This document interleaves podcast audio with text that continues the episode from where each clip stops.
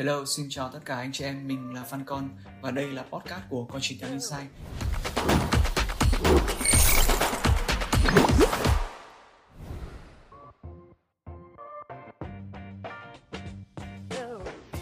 Chào mừng các bạn đã quay trở lại với podcast của Coi 98 Insight. Ở tại podcast này thì mình và team sẽ chia sẻ các góc nhìn, các phân tích của đội ngũ Coi 98 về tất cả các chủ đề quan tâm trong thị trường crypto. Nó có thể là các đồng coin các token hay các xu hướng hot trong thị trường hoặc uh, sẽ là các phân tích hoặc các dự phóng của team mình về thị trường crypto. Và cũng như các cái podcast lần trước hoặc các cái bài viết trên coin98.net thì uh, các cái chia sẻ ở đây là để anh chị em tham khảo và từ đó thì sẽ giúp anh chị em tìm hiểu sâu hơn về thị trường crypto. Từ đó thì đưa ra các cái uh, nhận định hoặc các cái quyết định đầu tư của riêng mình ha còn uh, chúng ta không xem đây là lời khuyên đầu tư và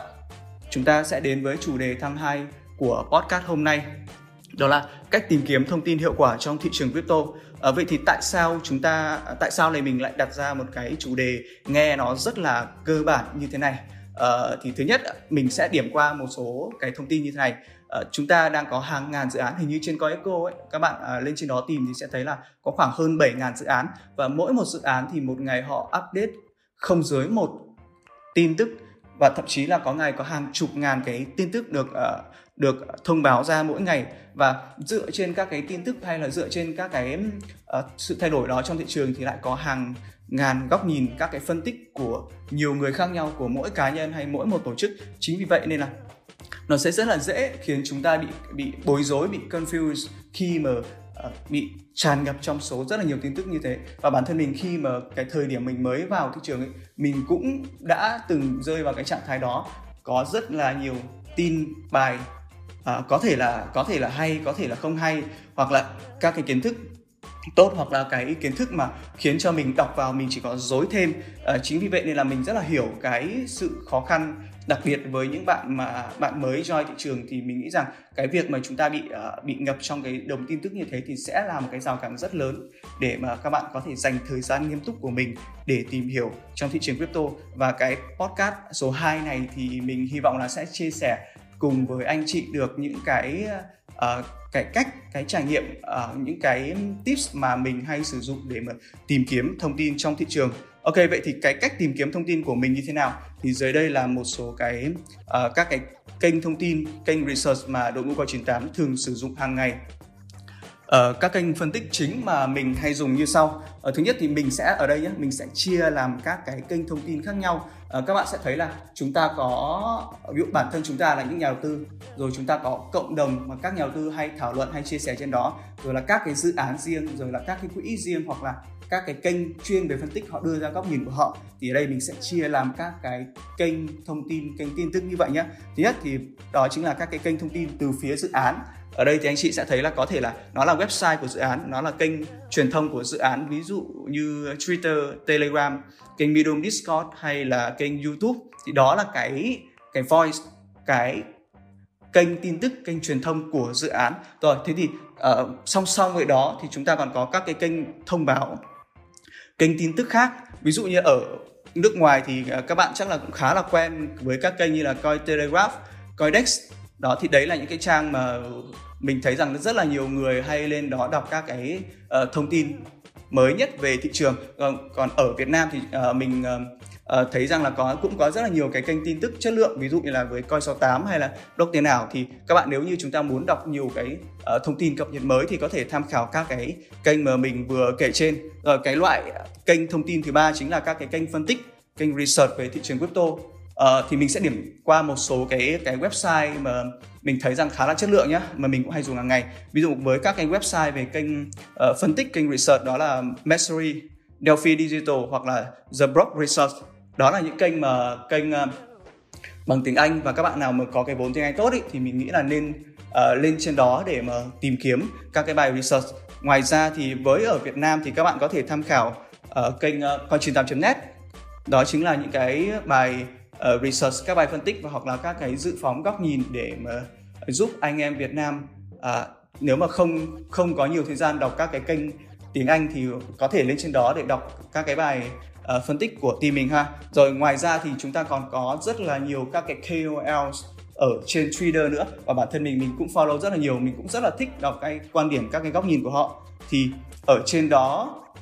một là chúng ta ờ, chúng ta sẽ phân loại là họ là những cái người KOLs người ta phân tích một đồng coin một xu hướng dưới góc nhìn của họ. Ví dụ như mình coi Sam FBS CEO của FTX ấy, cũng là một KOL hay là CG cũng là KOL bởi vì hai người đó họ thường xuyên đưa ra những cái uh, góc nhìn những uh, nhận định hoặc là các cái twistom của họ và bản thân mình mình cũng cảm thấy học được nhiều từ đó. Ngoài ra thì cái các cái kênh Twitter thì mình cũng thấy là có nhiều các cái kênh về họ tổng hợp hoặc là họ phân tích uh, tin tức đưa ra các cái kiểu infographic thì cũng rất là quen rồi. Anh chị có thể tìm ví dụ như là uh, um, ISO Analytics, uh, à, Crypto Differ hay là kể cả như là Coin98 mình thì cũng có kênh là Coin98 Analytics. Thì anh chị có thể lên trên đó tìm nhé thì uh, đội ngũ Coin98 mình hàng ngày đều có các cái post dưới dạng infographic dễ hiểu và trực quan để mà anh chị uh, xem vào đó để có thể uh, có thể uh, học hỏi hoặc là tiếp uh, nhận được một cái thông tin quan trọng gì đó luôn.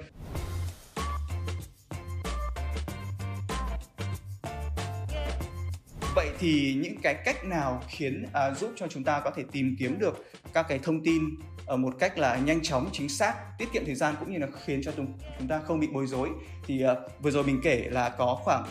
ba nhóm kênh tin tức kênh phân tích khác nhau để anh chị có thể tìm hiểu. Ờ, bởi vì là nó ở phạm trù quá là rộng nên là trong cái podcast lần này thì mình sẽ tập trung vào việc là làm thế nào để chúng ta có thể tìm kiếm thông tin uh, rồi đúng chính xác và hiệu quả ở trên website coi truyền net. Các anh chị quan sát thì sẽ thấy là mỗi một ngày thì team mình sẽ viết uh, phân tích hoặc là tham tham khảo góc nhìn từ đó thì đưa ra thêm những cái nhận định những cái dự phóng của uh, team mình về các cái xu hướng về đồng coi hay là về các cái góc nhìn đó. Thì uh, mỗi một ngày sẽ có từ uh, 5 đến 10 hoặc là hơn các cái bài viết trên đó. Vậy thì uh, trong cái podcast lần này mình sẽ tập trung vào việc là làm thế nào để các anh chị các bạn có thể khai thác tốt cái nguồn thông tin uh, nguồn uh, nguồn uh, research hay là các cái góc nhìn phân tích từ website coi 98.net nhé. Đầu tiên mình nghĩ rằng là bất kể ai khi mà tìm kiếm thông tin ấy, thứ nhất chúng ta luôn phải xác định được là cái thông tin mình muốn tìm kiếm là gì. Thế thì mình cụ thể luôn ra nó là từ khóa gì. Ví dụ ở đây á, hôm qua mình thấy rằng là uh, Alpha họ rebrand họ rebrand lại cái thương ờ, cái cái logo của họ đó thì đấy là một cái chủ đề mình quan tâm. Đấy đấy là chủ đề rất là rộng. Thế thì bây giờ mình sẽ phải chọn ra cái từ khóa nào để mà mình có thể tìm kiếm được thông tin. Thì ở đây ví dụ như là mình sẽ mình sẽ chọn luôn ra cái từ là alpha chẳng hạn hoặc là hôm qua họ nhấn mạnh cái từ khóa là alpha staking ấy. Đó thì mình sẽ lên trên coi trên 8 net. Anh chị kéo xuống dưới một chút sẽ thấy cái ô tìm kiếm ở bên tay phải đấy. Hoặc là ở trên điện thoại thì nó sẽ là ngay ở cái ô góc trên bên phải. Thì chúng ta vào ô đó và tìm kiếm từ khóa là alpha mainnet hoặc là nếu như chúng ta muốn tìm kiếm cái thông tin rộng hơn ý, thì sẽ là mình sẽ tìm luôn cái từ khóa với alpha thôi. Thì uh, website sẽ trả lại cho anh chị cái kết quả là tất cả những cái bài viết liên quan đến đồng alpha và cái bài viết nào mới nhất ý, thì nó sẽ hiện lên ở trên. Thế nên là chúng ta sẽ đọc luôn nếu mà chúng ta quan tâm đến cái thông tin đến các cái góc nhìn mới nhất thì chúng ta sẽ chọn vào những cái bài viết đầu tiên nhé rồi cái cái bước thứ hai chính là khi mà chúng ta xác định được từ khóa đó rồi thì đó cái ô tìm kiếm như vậy và chúng ta chỉ cần nhập từ khóa vào enter và chọn ra cái kết quả. Rồi cái thứ ba khi mà anh chị uh, uh, đây cũng là một trong những cái tính năng mà team mình đã update từ hồi ở cuối 2020 đó chính là tính năng hashtag và bản thân mình thường xuyên sử dụng nó hàng ngày và mình nghĩ rằng là cái này là cái tính năng rất là hữu ích với tất cả các bạn khi mà chúng ta tìm kiếm. Ở ví dụ nhé mình đang tìm kiếm cái chủ đề mình đã xác định được từ khóa là alpha rồi. Và bây giờ mình xác định mình muốn tìm kiếm các cái chủ đề liên quan đến alpha khác. Thì các anh chị khi mà uh, chúng ta đọc xong bất kỳ một bài alpha nào ấy, thì luôn luôn có các hashtag liên quan. Và chắc chắn là nó sẽ có hashtag alpha. Thì chúng ta muốn tìm kiếm các chủ đề khác liên quan alpha chúng ta chọn alpha. Còn với các cái bài viết khác mình sẽ lấy một ví dụ khác. Ví dụ như là uh, sáng nay mình có post một cái bài liên quan đến hackathon chẳng hạn. Và trong đó thì mình có đưa cái link bài viết về hackathon của John. Và trong cái bài viết đó thì khi mà anh chị đọc xong chúng ta chúng ta tiếp ờ, chúng ta đã hiểu hết các cái thông tin các cái góc nhìn bên trong rồi chúng ta kéo xuống phần dưới thì sẽ có các hashtag gồm có TRX, có Tron đó. Chúng ta nếu mà quan tâm về Tron TRX thì có thể chọn hashtag đó để tìm kiếm tất cả các thông tin liên quan đến cái chủ đề là Tron. Còn với anh chị muốn tập trung tìm kiếm các uh, chủ đề mà chỉ liên quan đến hackathon tức là cái vùng tìm kiếm của chúng ta nhỏ hơn nữa ấy, thì có hashtag là hackathon ở đó và chúng ta chọn vào thì uh, khi mà anh chị chọn vào thì sẽ ra các cái bài viết khác liên quan đến hackathon và ít nhất ở trên coi 98 net của mình hiện tại thì đang có khoảng 3 4 bài viết liên quan đến hackathon. Và sáng nay mình có đặt câu hỏi đó là các hệ sinh thái nào đang cố gắng mở rộng hệ sinh mở rộng chính họ bằng việc là đưa ra các hackathon? Thì nó chính là khi mà chọn vào anh chị sẽ ra là là Son về Solana hoặc là Nia họ cũng đang có những cái kế hoạch để mà đưa ra được cái hackathon nhằm thu hút cái uh, đội ngũ dev cũng như là các cái dự án uh, các cái dự án tiềm năng nhằm bù đắp và fusion vào các cái mảnh ghép còn thiếu trong cái hệ sinh thái của họ. Rồi cái thứ tư chính là việc uh, chúng ta sẽ luôn luôn tìm kiếm theo chủ đề hoặc là theo một hệ sinh thái nhé. Cái này thì mình đã nhắc rất là nhiều trong uh, tất cả các cái post của mình trên telegram hoặc là trên facebook rồi. Thì tại sao chúng ta lại cần phải tìm kiếm theo từng chủ đề? Rồi uh, từng xu hướng hoặc là từng hệ sinh thái. Bởi vì mình nghĩ rằng nếu như một một cái mẫu thông tin chúng ta chỉ đọc và cố gắng phân tích nó thì chắc chắn là nó không thể đủ và không thể cho chúng ta một cái nhìn toàn cảnh về cả một hệ sinh thái đó nó đang vận động như thế nào nó đang có cái sự thay đổi ra làm sao để mà từ đó chúng ta đưa, đưa ra được các cái quyết định đúng đắn. Mình ví dụ nhé OGN nó tăng à, khoảng x 7 lần từ đầu tháng 3 đến cuối tháng 3 đến hết ngày 31 tháng 3 là loanh quanh khoảng 2 đô tăng từ 0.31 đô. Đó thế thì nếu mà nếu như chúng ta chỉ nhìn vào cái thông tin rằng là cái OGN nó tăng x7 thôi thì mình nghĩ rằng nó rất là khó để tìm được đúng cái lý do.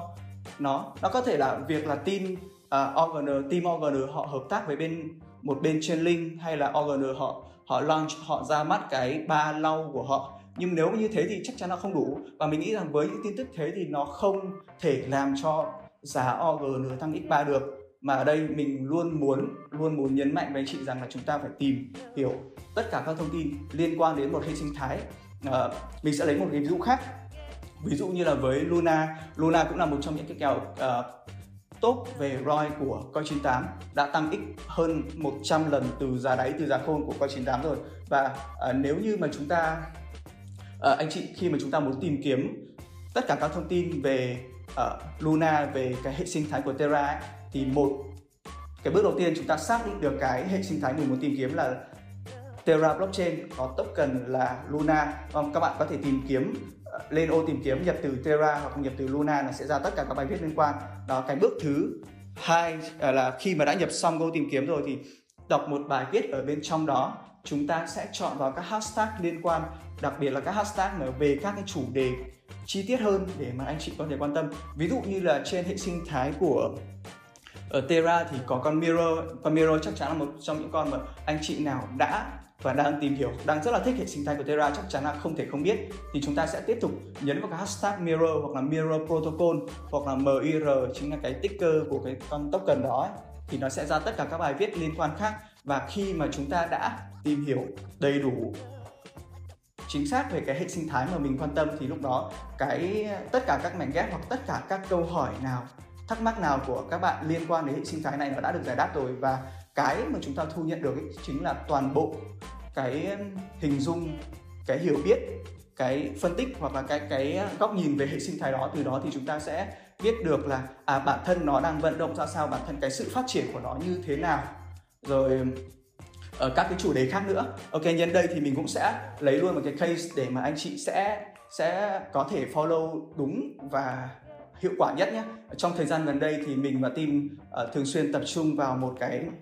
một số cái series mà uh, mình nghĩ rằng nó nó sẽ rất là hiệu quả với những anh chị mà biết tận dụng nó. Ví dụ như với series landscape thì tại đây mình và team sẽ viết phân tích về một cái hệ sinh thái cụ thể tức là tất cả những cái gì nó xảy ra trong hệ sinh thái đó ở tuần trước hoặc là từ đầu năm tới giờ thì nó không chỉ là về tin tức nó không phải là điểm lại những tin tức đã xảy ra với hệ sinh thái đó mà nó chính là uh, việc chúng ta phân tích các cái tin tức đó như thế nào cũng như cái podcast lần trước mình nói là nếu như một cái mẫu tin nó diễn ra mà chúng ta chỉ đọc cái tin đó thôi thì với mình mình nghĩ là nó không ý nghĩa. Một cái ý nghĩa cái quan trọng nhất và cái mà ra tiền chính là việc chúng ta phân tích cái tin tức đó như thế nào. Thì anh chị hãy dùng hình dung nhé Ờ, ví dụ như là à, các anh chị đang à, các bạn đang quan tâm đến đồng nia đúng không? Thì à, trong một tuần vừa rồi nó đang diễn ra những cái gì? Ở đó thì cái landscape à, về nia hiện tại đã là landscape từ hai tức là hai tuần liên tiếp mình có rồi. Thì bây giờ chúng ta hãy cùng làm cái bước này giúp mình là à, anh chị đọc hết landscape phần 1 đọc hết landscape phần 2 đó. Thì đấy chính là cái bước đường những cái gì tất cả những cái gì diễn ra của dự án. Đồng thời là mình cũng trong bài viết đó thì đội ngũ quan trình tám cũng gợi ý những cái góc nhìn những cái phân tích của team mình về nó. Thì từ đấy là anh chị sẽ biết được thứ nhất cái gì Nia nó đang phát triển nó đang cố muốn là hoàn thiện tất cả các mảnh ghép trong hệ sinh thái của nó. Rồi cái thứ hai là, là chúng ta thấy rằng nếu mà như thế thì chúng ta có thể so sánh Nia với cả các landscape của uh, Terra của Son uh, ờ, của Ethereum của Polkadot hay gì đó. Thì từ đó thì mình cũng có thể so sánh luôn được rằng là à cái bên này họ đang phát triển họ có đang đi đúng hướng họ có đang giống với những cái bên nào khác hay là không? Đấy thì mình nghĩ rằng đấy chính là những insights đấy chính là những cái thông tin những cái ờ, góc nhìn và những cái phân tích mà nó rất là đáng giá với tất cả các anh chị em đầu tư. Rồi uh, phần tiếp theo này thì mình sẽ chia sẻ một số tips để mà anh chị có thể tìm kiếm thông tin hiệu quả hơn nữa ở trên coi 98 net nhé thì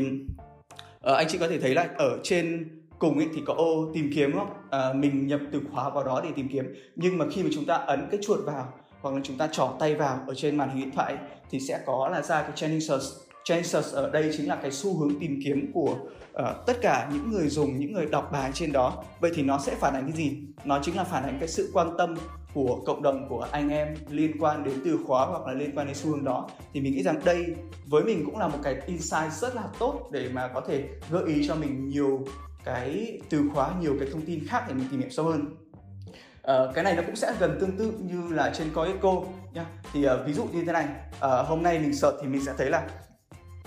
cái từ khóa tròn nó đang nằm ở top chẳng hạn. Vậy thì mình sẽ đặt ngay câu hỏi là tại sao tròn lại được cộng đồng quan tâm như thế? Từ đó thì mình sẽ đi chủ động tìm kiếm các cái thông tin liên quan đến tròn liên quan đến Justin Sun. Đó thì có thể mình sẽ tìm được các cái thông tin quan trọng khác để mình hiểu rằng là à, thứ nhất tại sao cho hoặc là xu hướng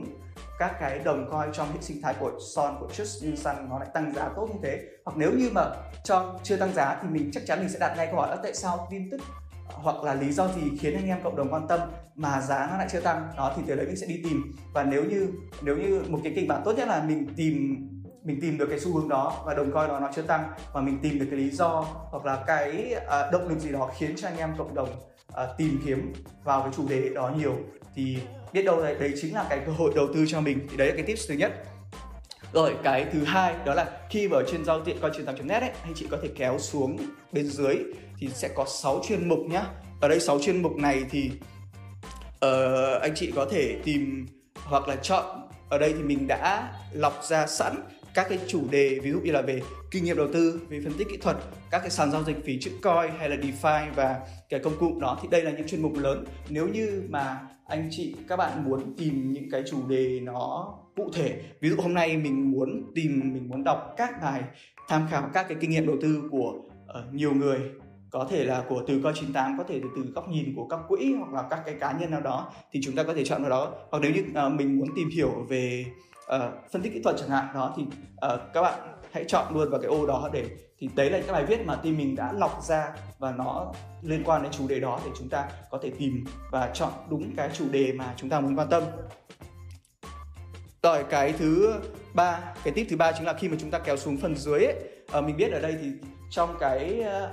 trong cộng đồng coi 98 thì mình cũng nhận được rất là nhiều cái câu hỏi đặc biệt là từ các bạn newbies về việc là chúng ta sẽ tìm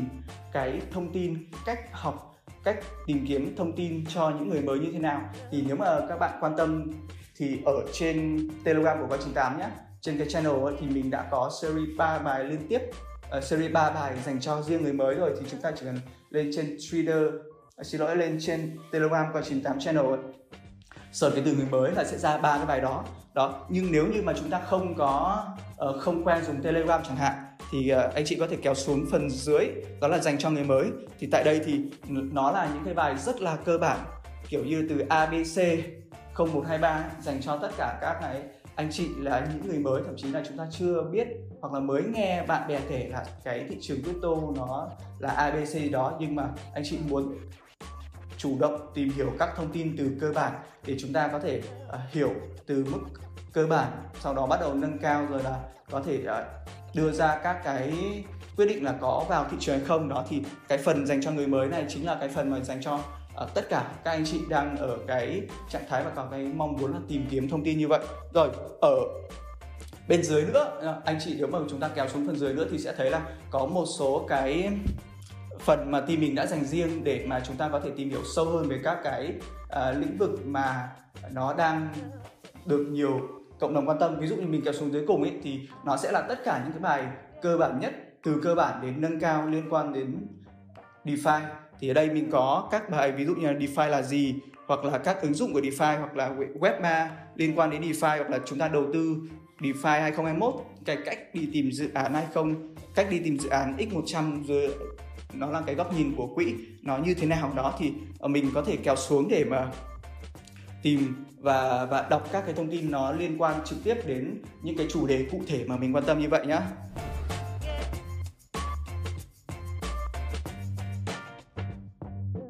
Ok, thì uh, vừa rồi là podcast số 2 cách tìm kiếm thông tin hiệu quả trên coi 98 Insights. Uh, mình biết rằng là đây là cái podcast uh, cái podcast mà mình đang tập trung nói rất là nhiều về một cái một cái cách tìm kiếm thông tin cụ thể trên coi 98 net. Và ở cái podcast lần sau thì mình sẽ chia sẻ cái góc nhìn, cái cách tìm kiếm thông tin, cách research các hidden gem ở trên Twitter nhé thì đây là một trong những cái chủ đề mà rất rất nhiều anh chị em có inbox mình hoặc là chat hoặc là comment trên các cái post của chị tám để mà hướng dẫn hoặc là để mà mình sẽ chia sẻ. Và ở các podcast lần sau thì mình sẽ dành thời gian để chia sẻ về các cái chủ đề này. Và ok và để nghe các cái podcast uh, coi 98 thì anh chị có thể lên trên uh, truy cập vào trang web là coi 98 podbean com nhé. Tại đây thì uh, đây là cái kênh mà mình sẽ chia sẻ các cái podcast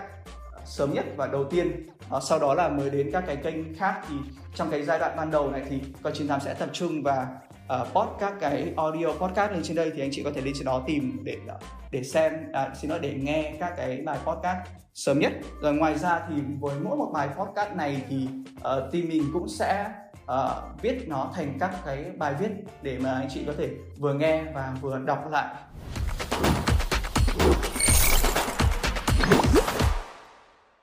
Hello, xin chào tất cả anh chị em, mình là Phan Con và đây là podcast của Con 98 Insight.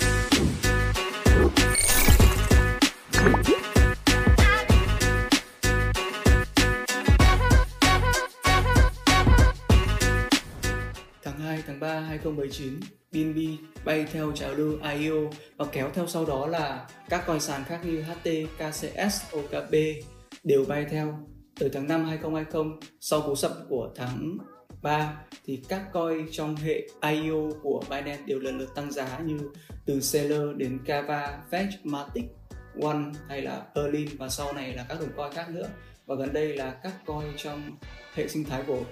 ESC Binance Smart Chain đều đồng loạt tăng rất mạnh. Ví dụ như ờ, Binance, BNB Coin, Cake, Bake, XVS, Venus, BSCX và vân vân rất rất nhiều đồng coin khác. Và gần đây hơn nữa là các coin trong hệ sinh thái của Solana. Vậy thì tại sao chúng lại có sự tăng trưởng đồng loạt và nối tiếp nhau như vậy? Và làm thế nào để chúng ta có thể tìm được các đồng coin chưa bay trong số chúng? Dựa vào đâu để chúng ta biết được điều đó? Và nhìn lại danh sách đó thì chúng ta đều có thể lọc chúng và phân loại chúng theo các cái nhóm coi khác nhau. Hay chúng ta có thể đưa chúng vào trong một danh sách theo dõi. Và đó chính là cái chủ đề mà mình muốn chia sẻ với cả các anh chị em ở trong podcast lần này. Trong podcast hôm nay thì mình sẽ giải đáp các thắc mắc trên cho các anh chị em. Và chào mừng anh chị em đến với podcast số 4 tại sao bạn lại cần một danh sách theo dõi watchlist ở trong thị trường crypto? Rồi mình sẽ giải quyết ngay câu hỏi đầu tiên đó chính là tại sao chúng ta lại cần. Chúng ta cùng điểm lại các cái ví dụ trên mình đã kể nhé. À, các bạn à, chúng ta hãy nhớ lại một chút này. Thì cái đầu tiên ý chính là việc chúng ta theo dõi và biết được các biến động về giá của từng nhóm coin như thế. Ví dụ như cái ví dụ đầu tiên của mình thì chúng ta thấy là với trào lưu IO hồi đó là chưa thành trào lưu nó chưa thành trend bởi vì có mỗi một BNB họ ra cái IO và bắt đầu BNB bay thôi. Thì những người dùng những người chơi khác người ta nhìn sang các hệ sinh thái các cái sàn khác các sàn khác cũng bắt đầu manh nha có IO và từ đấy thì người ta sẽ chú ý và quan tâm đồng thời là cũng sẽ có nhu cầu mua các cái coin sàn khác đó nữa để tìm kiếm cơ hội đầu tư hơn là đầu tư vào BNB đã cay bay rồi. Từ đấy thì nó tạo nên một cái uh, một cái trào lưu. Đó và cái đầu tiên chúng ta cần ờ, cái lý do đầu tiên mà chúng ta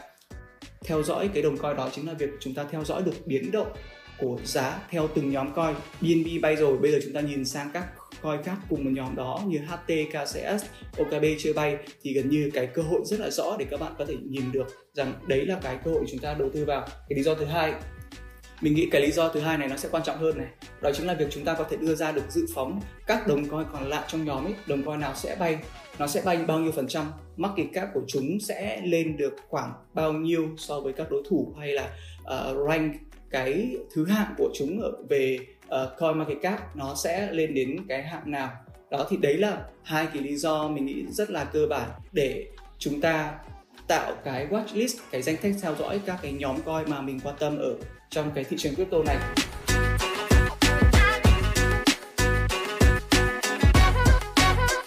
Vậy thì uh, cái cách chia các cái nhóm coin đó nó như thế nào thì bây giờ mình sẽ mình sẽ chia sẻ luôn các cái cách mà mình thường xuyên làm để mà chia các nhóm coin nhé. Thứ nhất là chúng ta sẽ chia theo nhóm coin theo các cái category. Uh, thì mình ở đây mình đã có list ra một số cái category để các bạn có thể uh, dựa trên đó để tạo ra các cái danh sách theo dõi watchlist của mình. Ví dụ là chúng ta chia theo uh, các cái blockchain platform tức là các blockchain nền tảng ví dụ như là Ethereum, Dot,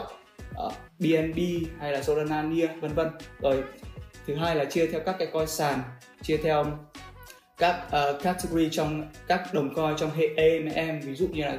sushi, uni, radium, one inch vân vân. Đó thì đấy là một số cái category. Thì đấy là cái cách chia đầu tiên. Cái thứ hai là chúng ta sẽ chia theo hệ sinh thái của chúng. Chúng ở các hệ sinh thái đó thì nó lại gồm nhiều các cái category nhỏ khác nhau. Ở đây thì mình có thể kể tên đến một số hệ sinh thái. Ví dụ như là hệ sinh thái của BSC rất là lớn mạnh rồi. Hệ sinh thái của Polkadot hệ sinh thái của Near uh, ờ, rồi là Solana vân vân. Đó thì chúng ta sẽ tạo một watchlist và add các đồng coin trong hệ sinh thái đó vào bên trong. Rồi cái cách chia thứ ba nữa mình nghĩ rằng cái cách này là cái cách mà uh, ít bạn để ý và ít bạn biết được. Đó chính là chúng ta sẽ chia theo danh sách các coin được quỹ đầu tư. Ví dụ nhá bây giờ chúng ta uh, các bạn hãy lên um, trên trang ventures.coinbase.com ấy. Đó danh sách đó là những đồng coin được Coinbase đầu tư đúng không? Chúng ta sẽ tạo một cái watchlist chúng ta thêm tất cả các đồng coin đó vào trong Coinbase. Rồi từ đó chúng ta lọc ra này những đồng coin nào đã được lên Coinbase nó tăng bao nhiêu phần trăm? Những đồng coin nào chưa được lên Coinbase nó chờ tăng chẳng hạn. Đó thì chúng ta thấy được rõ ràng cái watchlist cái mà chúng ta quan tâm nhiều nhất chính là danh sách những đồng coin chưa lên thì điểm đó và đấy là cái tiền đề để các bạn có thể follow nó thật là chặt và không bỏ lỡ cái cơ hội rằng là cái đồng coin đó nó sắp được lên Coinbase. Rồi có một cái cách chia nữa mà mình ở mà mình mới gần đây mình cũng thường xuyên làm đó là việc chúng ta sẽ chia nó theo các cái đặc điểm chung. À, mình ví dụ như là các đồng coin thuộc các dự án IEO trên Binance Launchpad. Đó à, như cái ví dụ đầu tiên mình kể đấy thì nó gồm có rất là nhiều các cái đồng coin và gần gần như lần lượt. Chúng sẽ theo một cái trend xu hướng tăng giá là lần lượt từ đồng này sang đồng kia. Và bản thân những người chơi như chúng ta chúng ta cũng nhìn thấy cái xu hướng đó. Một đồng coin trong cái danh sách ờ, Launchpad của Binance nó tăng mạnh rồi thì gần như chúng ta cũng sẽ tự đặt lại cái câu hỏi rằng à những cái đồng coin còn lại nó có tăng hay là không? Và từ đấy thì chúng ta sẽ nhìn ra được các cơ hội đầu tư. Thì đấy chỉ là một cái cách khi mà chúng ta chia theo đặc uh, các cái đặc điểm chung của chúng tôi thì bây giờ mình sẽ nêu thêm một số cái keywords để các anh chị và các bạn có thể chia các cái đồng coi đó theo một số cái cái đặc điểm chung khác nữa. Ví dụ như là ở uh, danh sách các đồng coi được IDO trên một sàn. Gần đây thì chúng ta thấy là IDO nó rất là nở rộ nhưng bây giờ chúng ta cùng liệt kê ra các cái đồng coin IDO trên Polkadot Starter các đồng coin uh, ờ, được IFO trên ờ, Pancake hay là sắp tới là các danh sách các đồng coin được IDO trên một số nền tảng của uh, Solana chẳng hạn đó thì nó cũng sẽ tương tự như là các cái đồng coin uh, được tham gia vào IO trên Binance. Thì mình nghĩ rằng nó cũng sẽ có một cái xu hướng tăng giá trong tương lai khi mà một hai đồng coin trong nhóm đó nó tăng trưởng rất là mạnh. Thì lúc đó bắt đầu nó sẽ thu hút được cái sự quan tâm của những uh, người những nhà đầu tư như chúng ta. Và một số cái cách chia khác mà mình thấy khá là thú vị uh, mình cũng xem được uh, các cái uh, một số cái một số bạn KOL hoặc một số bạn alpha trên trader các bạn ấy hay hay chia nó ví dụ như là chúng ta họ sẽ chia theo kiểu uh, me me coin ví dụ gần đây chúng ta thấy rằng dog tăng rất là kinh khủng đúng không? Nhưng mà bây giờ cùng với hết dog ấy nó nó có rất là nhiều cái coin mà mà mình nghĩ rằng nó nó tạo ra chỉ để phân phân ví dụ như là Shiba coin hay là à, Catena gì đó. À, cũng tức là những cái đồng coin mà nó mang hình những chú chó xem xem như thế thì trong mấy ngày gần đây cùng với dog tăng mạnh thì các đồng coin mình mình cũng không hiểu tại sao nó tăng mạnh như thế. Nhưng mà về cơ bản rằng là chúng ta thấy rằng chúng cùng một cái nhóm cùng một cái nhóm ví dụ mình gọi chung đây là cái nhóm ờ, meme coin chẳng hạn và dog bay uh, Shiba bay thì những đồng coin khác nó cùng có xu hướng như thế nó cùng bay. Ở đấy thì mình không có mình mình không có kết luận rằng cùng một cái đồng coi đó cái đồng coi đầu sỏ nó. Ví dụ dog bay thì các đồng coi khác phải bay nhé. Nhưng mà ở đây chúng ta cùng quan sát mình muốn nhấn mạnh đây chúng ta quan sát cái xu hướng của cái uh, của cái watch list chia theo cái đặc điểm chung hoặc là cái hệ đó. Từ đấy thì chúng ta nhìn ra được uh, những cái cơ hội tiềm năng khác ở những đồng coi mà nó chưa bay. Đó thì uh, mình sẽ ví dụ thêm một cái watch list mà mình đã theo dõi rất là chặt. Uh, cái watch list này thì mình uh, tạo ở trên Ờ, uh, có cái cô thì lát nữa mình sẽ hướng dẫn thêm cái cách chúng ta sẽ tạo các watchlist như thế nào. Thì uh, mình chia sẻ thêm là cái watchlist này mình đặt tên là Sam FTX uh, ờ, Sam FTX thì mọi người chắc là nhiều người nhiều anh chị em sẽ biết đây đây là CEO của sàn FTX đó thì bản thân FTX ấy, nó họ có cái đồng coi là FTT nhưng mà cùng với cái hệ uh, hệ của Sam mình hay gọi là hệ của Sam hay là hệ của FTX thì bản thân Sam uh, cũng như là hệ sinh thái của Solana họ gắn kết với nhau rất là chặt và đồng thời thì Sam cũng uh, là một uh, người mà họ đã họ đã thâu tóm được một số cái dự án rất là lớn khác. Đó thì mình áp tất cả các cái đồng coi đó vào chung một hệ mình gọi là hệ Sam FTX ví dụ danh sách này mình đang theo dõi gồm có FTT, Son, RM, OC, Ray, FIDA, Maps, Sushi, ờ, uh, FTM, FTM chính là Phantom đã được um, uh, Alameda Research của Sam đầu tư hay là Ren cũng là một cái dự án mà đã được ờ, Sam đã mua và đã đã hợp nhất team từ hồi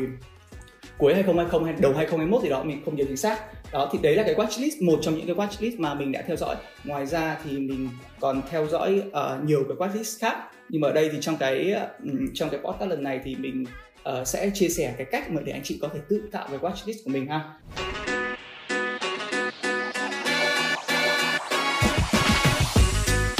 Rồi, à, chúng ta đến phần tiếp theo ấy là thế thì chúng ta sẽ tạo cái watchlist đó à, như thế nào? Bằng các cái app nào hoặc bằng các cái công cụ nào? Thì uh, đầu tiên là, là mình nghĩ rằng là ở khi mà à, nghe cái podcast này thì mình nghĩ rằng một số anh chị đã đã quen và đã bắt đầu có thể tạo quay watch list riêng của mình rồi. Nhưng mà ở đây thì cũng có thể là rất là nhiều anh chị em khác mà các bạn chưa quen chẳng hạn thì mình sẽ giới thiệu uh, lại từ đầu khá là cơ bản nhé. Thì đầu tiên cái công cụ đầu tiên đó chính là uh, coi truyền tăng wallet. Đó anh chị khi mà chúng ta mở cái giao diện ví coi truyền tăng wallet lên ấy thì thường là mọi người sẽ thấy cái giao diện đầu tiên là cái giao diện ví. Chúng ta thấy được số dư chúng ta thấy được danh sách các đồng coin mà mình đang lưu trữ trong ví coi truyền tăng wallet thì bây giờ chúng ta sẽ kéo từ phải qua trái nhé đó chúng ta kéo sang thì sẽ thấy một cái watch list. Cái đó sẽ giúp anh chị thêm các đồng coin mà mình quan tâm vào. Đó thì chúng ta hoàn toàn có thể nhập thêm uh, số lượng đồng coin mà mình đang hold chẳng hạn. Hoặc là uh, chúng ta có thể uh, Ờ, chúng ta có thể thay đổi tùy biến những cái khi mà chúng ta giao dịch, chúng ta mua bán các đồng coin nó tăng hoặc nó giảm số lượng thì chúng ta hoàn toàn có thể edit lại được các giao dịch đó. Thì đây là cái ờ, phiên bản watchlist mà coi chính đang xây dựng và trong tương lai thì team mình cũng sẽ hoàn thiện và thêm nhiều cái tính năng cho cái watchlist này. Ở cái công cụ thứ hai đó chính là Coingetco. Ở ờ, trên Coingetco thì phần lớn mọi người sẽ biết nó là một cái trang mà tổng hợp giá chúng ta hàng ngày lên đấy check giá rồi check các cái ờ, biến động về thứ hạng của các đồng coin. Nhưng mà ở đây thì mình thấy ờ, cái thời gian gần đây thì họ đã ra mắt cái tính năng watchlist và nó cho phép người dùng chúng ta có thể tạo được nhiều cái watchlist, nhiều danh sách theo dõi ở bên trên và mình mình rất là thích và mình thường xuyên dùng cái tính năng này của họ. Thì gần như là khi mà mỗi một sáng mình mở cái máy tính lên ấy, thì mình sẽ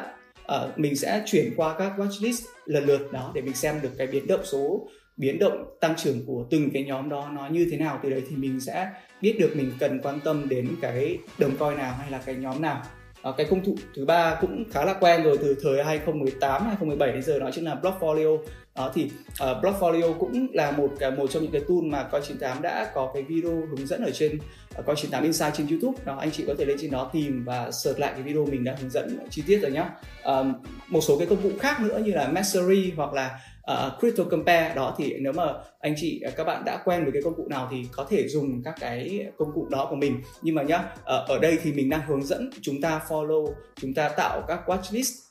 nhiều watchlist khác nhau nhiều cái nhóm qua khác nhau để theo dõi cho tiện nên là với những cái uh, app mà chúng ta có thể tạo nhiều watchlist uh, ví dụ như là coi chiến thắng wallet hay là coi eco thì chúng ta nên dùng cái đó để nên tận dụng và chúng ta có thể chuyển qua nhanh được các cái watchlist uh, như mình vừa kể trên.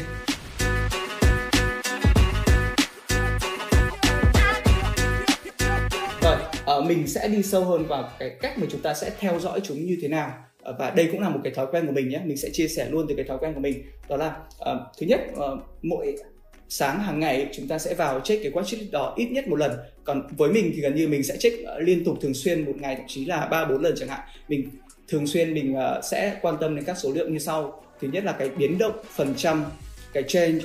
phần trăm trong 24 giờ của từng đồng coin cho một nhóm đó là bao nhiêu? Cái trên phần trăm cái biến động phần trăm của cái từng đồng coin trong 7 ngày liên tục rồi cái thứ hai mình quan tâm đến chính là cái uh, market cap của chúng. Market cái cái sự tăng trưởng của chúng thì nó đồng nghĩa với việc là nó tác động đến market cap. Cái market cap nó cũng sẽ thay đổi. Và thường một số cái đồng coin mình mình hay set cái target của mình khi mà mình chốt lời chẳng hạn hay là cái điểm vào của mình mình sẽ chọn cái market cap. Ví dụ như là với một đồng ABC mình sẽ mình đang chờ cái đồng đó để có điểm vào chẳng hạn thì mình sẽ chờ à, mình mình mặc định trong đầu là cái đồng coin này khi mà cái market cap của nó tụt xuống là 20 triệu đô thì lúc đó mình sẽ vào mà mình không quan tâm đến giá cả. Đó thì, thì bởi vì đấy là cái thói quen đấy cái cách mà mình mình tìm điểm vào. Nên là mình sẽ rất là hay quan tâm đến cái watchlist à, đến cái watchlist và cái cái market cap ở bên trong. À, có một cái chỉ số nữa mình cũng hay quan sát đó là chính là cái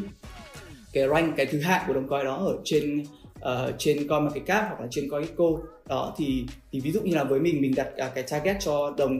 đồng son chẳng hạn mình uh, target rằng khi mà son vào top 10 chẳng hạn thì mình sẽ out một nửa cái portfolio của mình. Đấy là ví dụ của cá nhân của mình nhé thì thì khi đó mình bất chấp không biết là son lúc bị giá bao nhiêu và mình chỉ cần biết là son đã lọt vào top 10 lúc đó mình sẽ out một nửa. Đấy thì đấy là một số cái mình nghĩ rằng là sẽ nó sẽ giúp à, anh chị và các bạn tìm ra được cái đồng coin mà mình quan tâm và có cơ hội đầu tư chính là việc chúng ta quan sát tất cả cái nhóm đó một số cái chỉ số đó mình đã gợi ý rồi. Thì khi mà một đồng coi hoặc là một một cơ số 1, 2, 3 đồng coi trong nhóm đó nó bay chẳng hạn thì lúc đó chúng ta phải có cái tư duy này là chúng ta đặt luôn cái câu hỏi tại sao đồng coi ý trong cái nhóm một số cái đồng coi đó trong cái nhóm đó nó lại bay? Và chúng ta tìm hiểu cái lý do à, và chúng ta đặt lại các cho các cái đồng coin còn lại là rằng là tại sao chúng lại chưa bay và các yếu tố gì khiến nó bay tương tự như các đồng kia nó có hay không hay là nó sắp xảy ra hay không? Nếu mà câu trả lời là có chẳng hạn thì rõ ràng là đấy là cái uh, cơ hội để chúng ta có thể bỏ tiền vào để đầu tư. Tất nhiên là chúng ta cần phải dựa thêm nhiều yếu tố khác nhưng mà cái watchlist này nó đã giúp anh chị và các bạn đọc ra được ờ, mình nghĩ là tương đối các đồng coin để chúng ta có thể quan tâm sâu và quan tâm chặt hơn về nó. Rồi ở phần tiếp theo này thì mình sẽ gợi ý chi tiết hơn nữa các cái category mà uh, cái chúng ta có thể tạo các cái danh sách theo dõi như vậy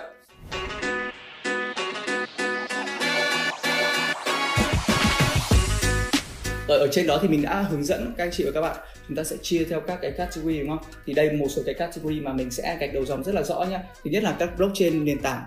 Các blockchain platform thì gồm có như là Ethereum, Polkadot, Ờ, uh, Tron, Solana, Near, EOS, Neo, ờ, uh, BNB hay là Tezos vân vân. Thì đấy là các cái đồng coin nền tảng. Trong cái nhóm này là cái nhóm mà mình đã lọc nó nằm ở trong top 100 đó thì anh chị có thể tự thêm vào và hàng ngày chúng ta theo dõi cái biến động của chúng. Thứ hai là chính là các cái coi sàn mà mình đã nhắc lên trên rồi. Thứ ba là các cái nhóm coi AMM ví dụ như là UD Sushi, Radium, One Inch, Curve, Cake, Bake hay là các cái nhóm AMM mà nó đã từ khá là lâu từ đời 27 28 ví dụ 0x, Panker hay Loopring ở nhóm Oracle thì gồm có là Link, Ben, API 3 hay là một số cái đồng Oracle mới mà anh chị có thể tự lên trên Coinco hoặc là lên trên coin98.net chúng ta gõ coi, uh, ờ, Oracle thì lúc đó sẽ cho ra các cái kết quả các đồng coin nằm trong nhóm này nhé uh, ờ, nhóm một cái một số cái nhóm nữa mà mình sẽ gợi ý nhanh đó là ví dụ như nhóm derivatives uh, gồm có là Yuma, uh, Synthetics, Injective, Perp uh, Opium, Heket là cái nhóm ờ, một cái nhóm mà khá là cổ nữa mà mình mình vẫn thêm ở đây và mình cũng theo dõi khá là thường xuyên đó là privacy coin. Đó ví dụ như là Monero, uh, Declare, ờ, uh, PIVX, Beam hay là Green. Một cái nhóm khác mà uh, khá là nổi trong thời gian gần đây đó là NFT đó thì anh chị có thể tự tìm nhá. NFT mình nghĩ là mọi người đã quá là quen rồi. Rồi còn uh, một cái nhóm mà mình nghĩ rằng là chúng ta không có cơ hội đầu tư ở đấy uh, không có hơi cơ một số cái cơ hội rõ ràng nhưng mà mình nghĩ bản thân thì mình vẫn follow nó đó chính là nhóm stablecoin. Đó stablecoin ở đây thì mình có thể kể tên nhanh đến ví dụ như là USDT, USDC, uh, ờ, BUSD hay uh, là DAI hay là PAX chẳng hạn. Đó thì đấy là một số cái stablecoin mà nó đang ở top trong cái market cap hiện tại. Vậy thì tại sao mình lại ờ, mình lại follow và mình gợi ý đến việc anh chị sẽ follow các cái watchlist uh, như vậy? Bởi vì là với mình stablecoin nó chính là một trong những yếu tố đầu tiên để mà một hệ sinh thái nó nó có thể phát triển. Nó gần như là cái cái điều kiện tiên quyết phải có một hệ sinh thái muốn phát triển phải có đồng stablecoin mạnh và nó nó lan tỏa nó nằm trong ví của uh, nhiều người. Thì đây là một số cái ý mà mình sẽ uh, chắc chắn là mình sẽ anh chị sẽ nghe thấy rất là nhiều lần khi mà mình chia sẻ các bài phía sau nữa. Nhớ nhé stablecoin nó rất là quan trọng rồi ờ, khi ờ, chúng ta quan sát stablecoin chúng ta không phải gần như không chúng ta ít quan sát đến biến động bởi vì stable thì bản thân nó đã stable và nó dao động rất ít. Nhưng ở đây mình muốn nhấn mạnh là chúng ta sẽ follow cái market cap của chúng. Uh, uh, anh chị và các bạn hãy chúng ta cùng xem nhé. Market cap của USDT uh, mọi người thường hay nói rằng là USDT cứ thỉnh thoảng nó in ra vài trăm triệu hay là nửa tỷ chẳng hạn đúng không? Như thế là rất là nhiều. Nhưng mà vậy thì cái ý số đó nó ý nghĩa là gì? Mình nghĩ là tại cái thời điểm mà chúng ta nói đến là nó in thêm một tỷ đô đó thì thì cái gần như chúng ta chỉ nhắc về cái mặt tin tức thôi. Nhưng khi mà chúng ta follow nó theo cái mức độ tăng trưởng về market cap ấy à, anh chị các bạn sẽ thấy rằng là cái sự tăng trưởng về market cap của từ đầu 2021 tức là ngày 1 tháng 1 2021 đến thời điểm hiện tại gần như là nó đã x 2 2,5 hay là ba lần về market cap rồi đó thì lúc đó chúng ta lại đặt, tiếp tục đặt câu hỏi. Thế thì tại sao tại sao lại USDT nó được in ra nhiều như vậy? À, đó và cái yếu tố gì cái niềm tin gì khiến cho họ họ có thể in ra nhiều và chúng ta những cái người đang chơi chúng ta vẫn chấp nhận cái đồ đó hoặc là chúng ta buộc phải chấp nhận cái đồ đó. Đấy thì đấy là một số cái ý nghĩa mà mình tại sao mình lại phải tạo cái watchlist liên quan riêng dành cho stablecoin? Rồi một số cái gợi ý khác đó là chúng ta sẽ chia theo các hệ sinh thái đúng không? Như mình nhắc về trên rồi gồm có Binance Smart Chain, Polkadot, Solana, Cosmos. Uh, thậm chí là có một số hệ mới mà mình thấy rằng chúng ta nên quan tâm chặt đó là uh, Polygon, Matic ngày xưa đó hoặc là Elrond hoặc là uh, hệ à, Near vân vân. À, uh, mình cũng sẽ gợi ý một số cái uh, một số cái cách chia theo quỹ đầu tư nhé ở đây thì chúng ta có thể uh, tự lên trên cái uh, các cái trang web của các quỹ quỹ đó để mà chia uh, để mà tìm các danh sách các coin mà các quỹ đó đang tư này. Mình sẽ gợi ý một chút. Ví dụ là Three Arrow Capital, uh, Multicoin, Binance Labs, uh, Coinbase Venture, Alameda Research hay là ờ, uh, Polychain Capital hoặc là Parafi đấy thì đấy là một số cái quỹ lớn. Với mình mình mình gần như là mình cũng có cái danh sách riêng để theo dõi các cái quỹ như thế này. Uh, thì uh, gần đây nhất thì có có Manticoin đúng không? được um, Binance họ rót vốn đầu tư thì gần như là gần như mình đã bắt luôn được cái insight rằng là uh, những cái coin nào trong Manticoin ấy mà đã được lên Binance rồi đó, ok thì cái cơ hội đầu tư trong nó nó sẽ ít hơn. Còn bây giờ mình sẽ quan tâm rất nhiều đến việc các đồng coin khác mà chưa được lên Binance ở trong Manticoin thì nó sẽ như thế nào? Thì mình nghĩ rằng là cái đấy là cái cơ hội đầu tư nó rất là rõ để mà à, chúng ta có thể follow và follow thật chặt từ đó chúng ta tìm được điểm vào và chúng ta kiếm được cái lợi nhuận từ trong cái việc uh, follow đó.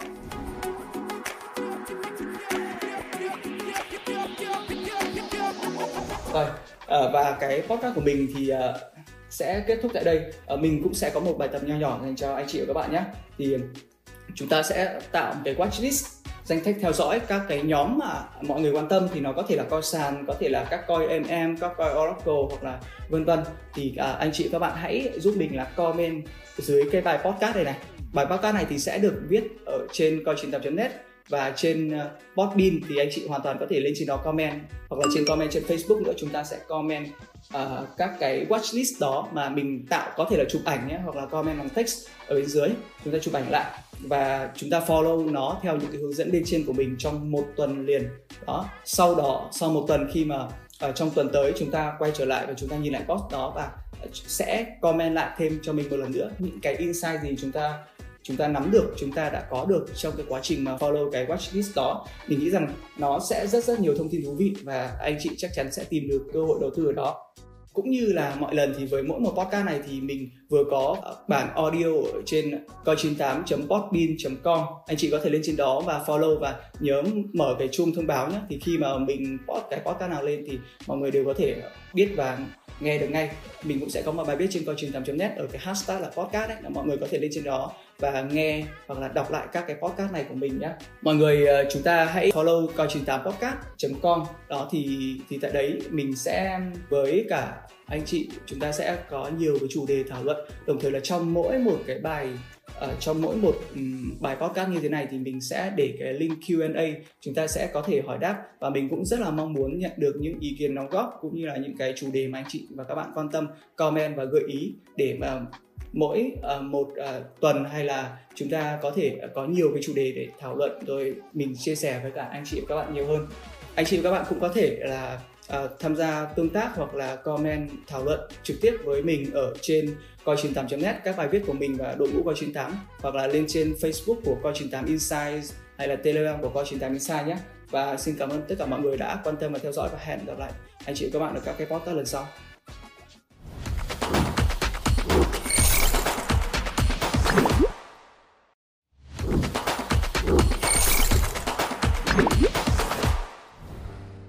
Nay là ngày 1 tháng 5 năm 2021 và dựa trên những quan sát cũng như research của mình và đội ngũ coi 98 trong suốt quãng thời gian vừa rồi trong thị trường thì mình nghĩ rằng đã đến lúc uh, chúng ta cùng cập nhật và chia sẻ những thông tin mới về thị trường. Chúng không chỉ là những cái kiến thức mới hay là các cái cách chơi mới mà mình nghĩ rằng quan trọng hơn chính là cái cách chúng ta tư duy trong thị trường ở thời điểm hiện tại Uh, trước mặt mình hiện tại bây giờ đang là top 100 trên CoinGecko và mình sẽ điểm qua một số cái tên và anh chị cùng đoán xem là cái tên được nhắc ở đây thì chúng có đặc điểm gì chung nhé. Trong top 100 đó mình sẽ chọn ra một số cái tên như sau. Ethereum, Binance Smart Chain, Cardano, Polkadot, VeChain, Solana, Theta, Tron, Okachain, Neo, Terra, EOS, Clay, Cosmos, ETC, Polygon, HecoChain, Avalanche, Tezos, Anchoran, Kusama, Thorchain, uh, Near, Phantom, IOST, Ontology, Flow, Blockchain. Rồi, uh, anh chị có đoán được rằng là chúng có đặc điểm gì chung không ạ? Thực tế, chúng đều là những cái blockchain platform, chúng thuộc lớp uh, layer 1 và chào mừng anh chị và các bạn đến với podcast số 6 của Coin8 Insight. À, trong podcast này mình sẽ nói về money flow, dòng tiền trong thị trường crypto và đây là cái podcast số 6 nhưng mà nó là phần 1 của cái chủ đề money flow thôi. Và cũng như mọi podcast trước đó thì uh, cái những cái gì mình chia sẻ ở đây thì đều là những cái thông tin mà mình cá nhân mình và đội ngũ vào 98 research được và chúng mang ý nghĩa cung cấp thông tin và không được xem là lời khuyên đầu tư nhé. Trong bài podcast này thì mình cũng sẽ nhắc tới rất rất nhiều các keywords khác nhau và mình cũng hy vọng rằng anh chị em có thể lưu lại các keywords này và sau đó thì chúng ta sẽ tìm hiểu về chúng sau. Mình nghĩ rằng là cái việc lưu lại các keyword này thì nó sẽ rất là giá trị với anh chị. Sau khi mà chúng ta hiểu được và nắm được những cái gì mà thị trường nó đang vận hành ở thời điểm hiện tại và uh, thông qua podcast này thì mình cũng mong muốn có thể phần nào đó giải đáp được thắc mắc các câu hỏi của anh chị như là dòng tiền như là dòng tiền thì nó đang nằm ở hệ sinh thái nào? Dòng tiền nó tiếp theo nó sẽ đổ vào đâu? Hay là làm thế nào để chúng ta nhận biết được cái việc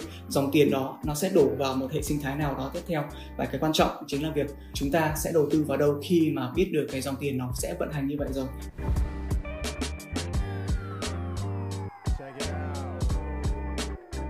Phần đầu tiên à, thì mình sẽ nói về tổng quan thị trường nhé. Nếu như mà anh chị thường xuyên quan sát ở trên Coinco, chúng ta quan sát ở đây là top 100 hoặc top 200 ý, sẽ có một số cái đặc điểm như sau nếu mà chúng ta biết phân loại và phân nhóm chúng nhé. Thì đầu tiên ý, trong top 100 hiện tại thì mình quan sát thấy nó có khoảng 30 dự án về blockchain platform và chúng chính là các cái layer 1 mỗi một cái platform đó thì họ đều đang cố gắng xây dựng cho mình một hệ sinh thái DeFi riêng của họ và đấy là các layer 1 còn các layer 2 uh, à, các dự án layer 2 thì phần lớn là nó nằm ở top từ 101 tới 200 và chỉ có một số ít những cái dự án thuộc layer 2 mà chúng nằm trong top 100 thôi. Và đó đều là những cái tên mà rất là tiêu biểu và chúng ta có thể lấy đó để làm tiêu chuẩn khi mà có một cái dự án mới cùng cái ngách cùng cái category với cái dự án ở trong layer 2 đó thì chúng ta có thể lấy cái đó làm tiêu chuẩn nhé. Thì cái đó mình sẽ nói ở một cái podcast lần sau còn trong lần này thì mình sẽ tập trung chủ yếu vào việc là cái money flow cái dòng tiền hiện tại nó đang như thế nào. Anh chị cũng nhớ một số cái thông tin để mà chúng ta sẽ có thể dễ dàng nắm bắt các cái nội dung về sau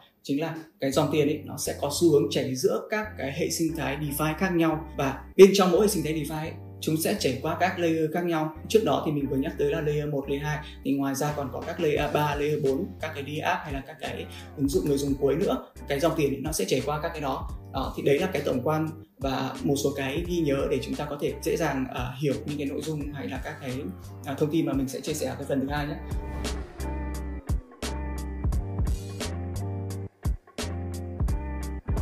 Phần thứ hai thì mình sẽ nói về money flow ở thời điểm hiện tại và trước khi mà mình update các cái thông tin uh, gần nhất thời điểm hiện tại thì mình muốn anh chị và các bạn lên trên coi 98 net ấy chúng ta search cái keyword là money flow. Thì trước đó thì coi 98 mình đã có một bài viết là Play to Win số 1 Money Flow. Thì bài viết được à, anh Lê Thanh viết vào tháng ngày 10 tháng 12 năm 2021 và tính đến thời điểm hiện tại thì nó đã khoảng hơn 5 tháng rồi. Và mình nghĩ rằng cái bản thân thị trường nó đã đi rất là nhanh. Và cái những cái thông tin ở đây nó không chỉ là vẫn giữ nguyên cái giá trị mà mình nghĩ rằng là chúng ta dựa trên những thông tin này thì chúng ta có thể update những cái kiến thức của mình uh, update những cái thông tin mới và những cái hệ sinh thái mà được nhắc ở bên trong này. Thì đấy thì sẽ giúp cho anh chị bạn có thể đối chiếu được những gì nó đang diễn ra hiện tại và những cái gì xảy ra trước đó 5 tháng. Thì trước khi mình update cái money flow ở thời điểm hiện tại thì mình sẽ nhắc qua một chút cho những anh chị nào mà chưa đọc cái bài viết này về cái tình hình hệ sinh thái DeFi ở cái thời điểm tháng 12 2020 nhé. Thì uh, tại cái thời điểm đó thì chúng ta có DeFi trên Ethereum lúc đó rất là rõ ràng. Thì trong bài viết đó thì anh Lê Thanh cũng sẽ có chia làm hai cái giai đoạn khác nhau của các dự án DeFi trên Ethereum. Cái giai đoạn DeFi từ 2017 đến 2019 ý, thì phần lớn đó là các dự án mà họ đã raise fund trước, tức là họ kêu gọi vốn trước, sau đó họ mới đi build các dự án còn cái giai đoạn hiện tại từ năm 2020 đến 2021 ấy, thì cái điểm đặc điểm khác biệt lớn nhất của nó chính là việc các dự án ấy, họ không đi gọi vốn ngay mà chính là họ build dự án thật họ làm thật. Sau đó họ mới release token họ mới phát hành token họ kêu gọi vốn. Và từ đấy thì các dự án đó đã có thể chạy được rồi và dòng tiền nó cứ thế đổ về. Mọi người thấy rằng là cái hệ sinh thái DeFi trên Ethereum là cái hệ sinh thái mà nó đang phát triển và toàn diện nhất. Bản thân nó cũng vẫn đã và đang phát triển nhưng mà chúng ta có thể lấy đó làm cái tiêu chuẩn uh, cái hình mẫu để mà các hệ sinh thái khác họ đang build và chúng ta nhìn vào nhá. Uh, uh, cái tên thứ hai được nhắc tới chính là Binance Smart Chain. Binance Smart Chain nó thuộc thế lực của Binance của CEO là CZ thì chắc mọi người cũng đã quá là quen rồi. Tại cái thời điểm đó thì ờ, uh, Binance Smart Chain thì nó chưa có rõ ràng hình thành một cái hệ sinh thái rõ về DeFi. Thời đó thì nó khá là thiên về các cái meme coin các meme coin hoặc là thiên cái bản chất blockchain của Ethereum. Lúc đó thì nó vẫn thiên về tính centralized. Thế nên là các cái dự án build trên nó thì khiến cho chúng ta cảm giác như là nó khó mà đi long term được. Nhưng mà đó, cái cách mà CZ họ build cái hệ sinh thái này thì mình nghĩ rằng là bây giờ nó đã quá rõ ràng và chúng ta thấy rằng là cái hệ sinh thái của Binance Smart Chain hiện tại, mình nghĩ rằng hiện tại nó, nếu mà xét về một số khía cạnh nào đó, thậm chí là nó đã hơn cả Ethereum rồi ngoài ra thì còn có một số dự án khác à, một số hệ sinh thái khác mà mình sẽ điểm nhanh nhé thì gồm có là Solana thì nó thuộc thế lực của FTX mọi người chắc là cũng đã rất là quen rồi. Có Polkadot nó thuộc thế lực của những người dùng người nói tiếng Trung, những người thuộc ở Trung Quốc, rồi còn có Nia thuộc thế lực của Coinbase nữa. Đó, thì đấy là tổng quan về cái bài viết Money Follow được viết từ ngày 10 tháng 12 2021 của anh Lê Thanh. Còn bây giờ thì mình sẽ update những những thông tin mới, những cái gì mới xảy ra ở cả các hệ sinh thái mà mình vừa nhắc, đồng thời là những cái hệ sinh thái mới mà chúng ta đã thấy, đã và đang thấy rằng nó đang đi rất là nhanh. Ở thời điểm hiện tại, ở thời điểm hiện tại,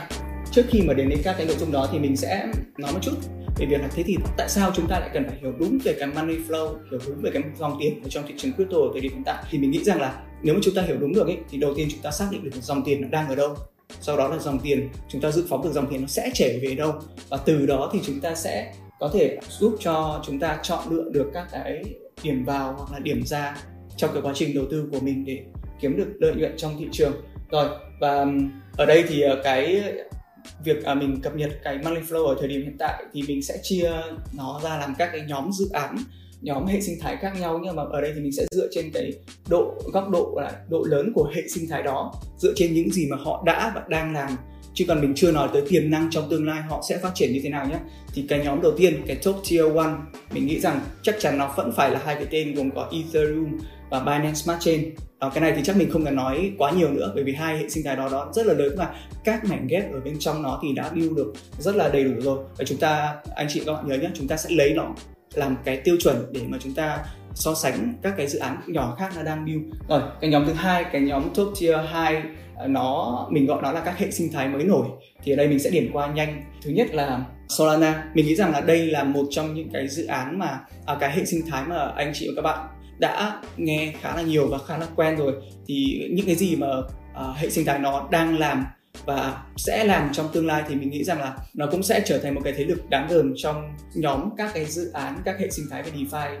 đang đi lên ở thời điểm hiện tại và cái dự án thứ hai trong cái nhóm này là Avalanche. Rồi, ở thời điểm hiện tại mình làm cái podcast này là ngày 1 tháng 5 2021 thì trước đó mấy ngày thì các dự án trong hệ sinh thái của Avalanche nó tăng trưởng rất là lớn. Và ngay kể cả cái ngày hôm nay thì tốt các cái coin của thuộc dự án Avalanche thuộc nhóm Avalanche nó cũng đã tăng trưởng rất là nhanh. Thì cái này mình nghĩ rằng anh chị em cũng có thể dễ dàng quan sát được. Thì vậy thì tại sao mình lại xếp Avalanche thuộc cái nhóm này? Bởi vì mình uh, lấy các cái tiêu chuẩn tại sao mình lại phân nhóm chúng như này thì mình dựa vào cái góc độ là độ lớn của hệ sinh thái đó những gì họ đã và đang làm được thì cái này mình đang à, mình quan sát vào việc là những gì mà Avalanche họ đã xây dựng họ đã partner hay là các dự án các cái mảnh ghép được build ở trên cái nền tảng của Avalanche. Rồi một cái dự án khác mà mình nghĩ rằng uh, chắc chắn anh chị em sẽ rất là quen và mọi người cũng sẽ đều mong chờ rằng nó sẽ vươn lên để mà có thể là nó flip được kể cả Ether hay là kể cả Binance Smart Chain đó chính là Polkadot. Rồi, Polkadot thì uh, là một hệ sinh thái mà mình thấy rằng là cái nửa cuối 2020 đến thời điểm tại họ đã và đang build rất là nhiều mảnh ghép ở bên trong của họ rồi. Và còn chính tám mình thì đã có rất là nhiều bài viết phân tích về kể cả Polkadot hệ sinh thái DeFi của Polkadot hay là các parachain ở bên trong Polkadot rồi. Ờ, mình nghĩ là nó quá quá nhiều thông tin rồi anh chị em và các bạn có thể lên trên đó tìm thêm nhé thì với cái nhóm hai này thì mình sẽ xếp theo cái thứ tự ở mức độ độ lớn gồm có Polkadot ở vị trí đầu thứ hai là Solana thứ ba là Avalanche. Và cái nhóm thứ ba uh, mình sẽ nhắc tới đây thì đây chính là các nhóm mà đang bắt đầu hình thành cái hệ sinh thái DeFi của riêng họ. Họ đang cố gắng build những cái mảnh ghép về DeFi nên là chắc chắn cái nhóm này là nhóm mà nó cần phải có thời gian để nó build. Và đồng thời chúng ta khi mà chúng ta biết rằng là họ đang build như thế thì mình nghĩ rằng cái cơ hội đầu tư cái cơ hội tìm ra những cái hidden gem những cái cơ hội đầu tư mang lại lợi nhuận của anh chị thì nó sẽ nó sẽ có nhiều hơn và cái cơ hội lợi nhuận tăng trưởng mình nghĩ rằng nó nó sẽ cũng sẽ tốt hơn với những cái hệ mà nó đã rất là rõ ràng như mình kể ở bên trên. Rồi các cái tên ở đó gồm có là Polygon, Cardano, Near, Cosmos, Hecochain rồi và một cái tên nữa mà mình muốn nhấn mạnh và ở thời điểm tại thì mình thấy rằng là họ đã và đang đi rất là nhanh đó chính là Definity có thể là trong các podcast lần sau hoặc là trong các bài viết trên coi 98 thì mình đã có cái thông tin rõ ràng về cái hệ sinh thái này rồi. Thì mình cũng hy vọng rằng anh chị em có thể chủ động uh, tìm hiểu thêm ở nhiều nguồn khác nhau để chúng ta có thể hiểu sâu hơn về từng cái nền tảng đó nhé. Thì mình sẽ nói cụ thể hơn về một số cái tên mà mình vừa nhắc tới. Đầu tiên mình muốn nhắc tới Cardano thời điểm trước 2021 thì mình không có follow quá nhiều. Ở bản thân mình mình cũng không phải là một người mà quá là bullish Cardano mình cũng không follow nhiều nên là mình không có update. Nhưng mà thời gian trở lại đây thì mình quan sát tất cả những cái gì mà Cardano họ đã và đang làm thì thấy rằng bản thân Cardano cũng là một trong những hệ sinh thái mà đang đi rất rất nhanh luôn. Cái việc họ đi nhanh nó nó thiền ở đâu? Đầu tiên chính là việc tất cả các cái mảnh ghép trong DeFi các mảnh ghép quan trọng trong DeFi mình thấy rằng họ đã và đang build rồi, họ đang có rồi. Mọi người nhìn thấy nhé gần nhất mình sẽ chỉ nói một cái tên ở bên trong cái mảnh ghép của hệ sinh thái Cardano thôi, chính là Kickstarter Kickstarter nó đã được launch từ đâu đó hình như tháng 3 đấy chính là cái IDO platform của hệ sinh thái. Ideal platform đầu tiên của Cardano và mình nghĩ rằng bất kể à, anh chị và các bạn nhớ nhé là bất kể một hệ sinh thái nào mà nó đã bắt đầu ra mắt cái nền tảng ido riêng của nó ấy, thì mình nghĩ rằng hệ sinh thái đó đầu tiên là cái cách tư duy của họ. Mình nghĩ rằng là tư duy họ đã đi đúng với những gì mà thị trường nó đang vận hành. Cái thứ hai là ở thời điểm đó họ đã bắt đầu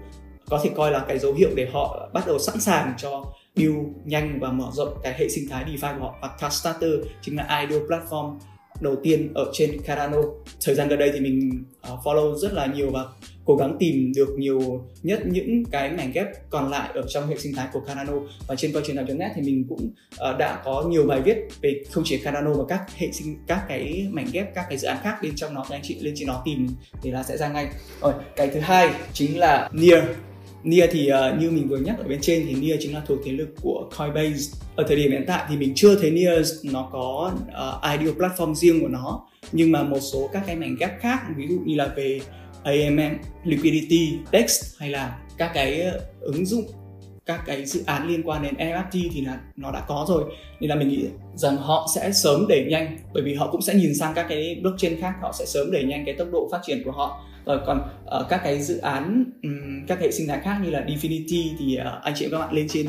Twitter có thể tìm nhé. Mình sẽ gợi ý nhỏ một chút là uh, lên trên Twitter tìm Definity sau đó chúng ta follow Definity thì nó sẽ gợi ý ra một số cái tên khác liên quan đến hệ sinh thái của Definity thì chúng ta nếu mà liên quan chúng ta sẽ follow và từ đấy thì đấy cũng là cái cách mà mình follow và mình không sót bất kỳ một cái tên nào trong bất kỳ một hệ sinh thái nào cả đó thì đấy là một số cái cái kinh nghiệm mà mình muốn chia sẻ nhanh như vậy. Thì vừa rồi là cái nhóm 3 đó ngoài ra thì còn có những cái hệ sinh thái khác mà nó nằm ngoài cái này. Có thể là họ cũng đang build nhưng mà mình chưa thấy họ uh, họ rõ ràng hoặc là có thể là như là họ chưa có công bố những cái gì mà họ sẽ làm hoặc là cái chiến lược của họ. Nhưng cũng có thể rằng đó là những cái uh, hệ sinh thái mà biết đâu đó thì nó sẽ uh, dần dần lớn trưởng thành và nó sẽ lọt vào các cái danh sách ở trên cao hơn. Thì mình muốn nhắc tới đây chính là Tomo trên thì gần nhất mình thấy rằng Tomo trên họ ra Tomo Finance. Đó, cái dự án Tomo Finance thì nó sẽ khá là giống với cả DAO Maker rồi là giống với cả Venus. Ờ, DAO Maker Compound thì thuộc là Ethereum. Còn Venus XVS ấy, nó sẽ thuộc uh, thế lực của Binance Smart Chain đó. Thì với Tomo Chain Tomo Chain họ có Tomo Finance cái token của họ là TFE thì phải. Đó thì anh chị và các bạn có thể lên trên coi truyền tham net tìm nhé. Thì mình trong đội ngũ trong team thì cũng đã vừa có một bài phân tích về nó thì mọi người có thể lên trên đó để tìm hiểu kỹ hơn.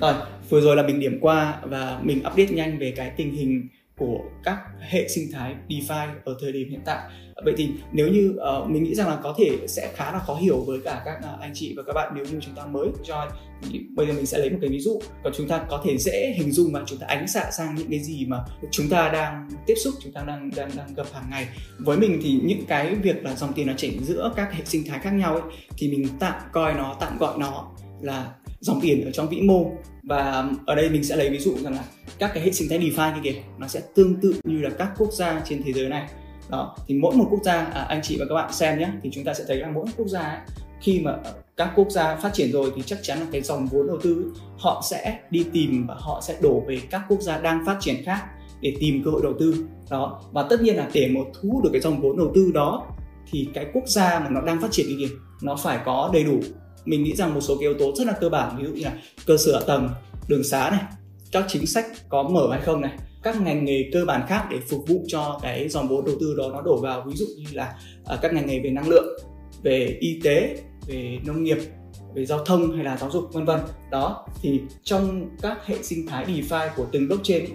nó cũng tương tự y xì như vậy luôn. À, mình nhắc lại nhé dòng tiền nó đổ giữa các hệ sinh thái DeFi khác nhau thì chúng ta coi nó là dòng tiền ở trong vĩ mô. Và với các cái hệ sinh thái DeFi đó thì tất nhiên là bên trong nó thì cũng cần có sự chuẩn bị để mà đón nhận được cái dòng tiền. Đúng không? Chúng ta thấy rằng là mình nói bên trên ấy, thì chúng ta có những cái ờ, quốc gia đã phát triển rất, rất phát triển. Ví dụ như là Ethereum, Binance Smart Chain rồi. Thì, thì các cái quốc gia đang phát triển đang mới nổi khác. Ví dụ kiểu như là Vanguard, Solana, Avalanche ờ, rồi là các cái tầng bên dưới như là Near, Cardano, Definity, Cosmos vân vân. Đó. Thì chắc chắn là nó cần phải có những cái cơ sở hạ tầng những cái gì đó để mà nó sẵn sàng cho việc dòng tiền mới đổ vào không thì đấy cũng chính là một cái tips để chúng ta có thể nhìn vào và hiểu được rằng là hệ sinh thái nào nó đã sẵn sàng cho cái dòng đón nhận được cái dòng tiền mới như vậy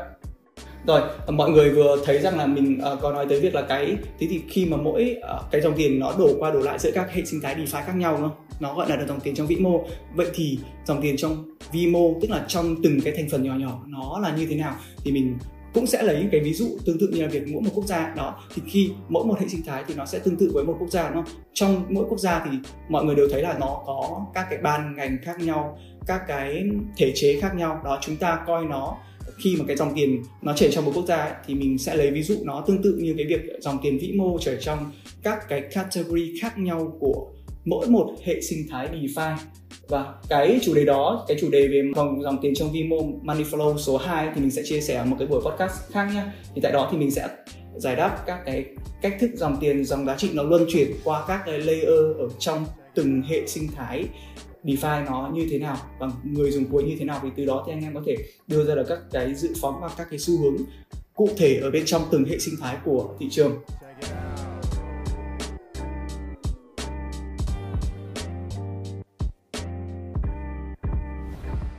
Phần thứ ba mình sẽ nói về các cái hệ sinh thái cần chú ý. Vừa rồi thì mình nói khá là nhiều nhưng mà uh,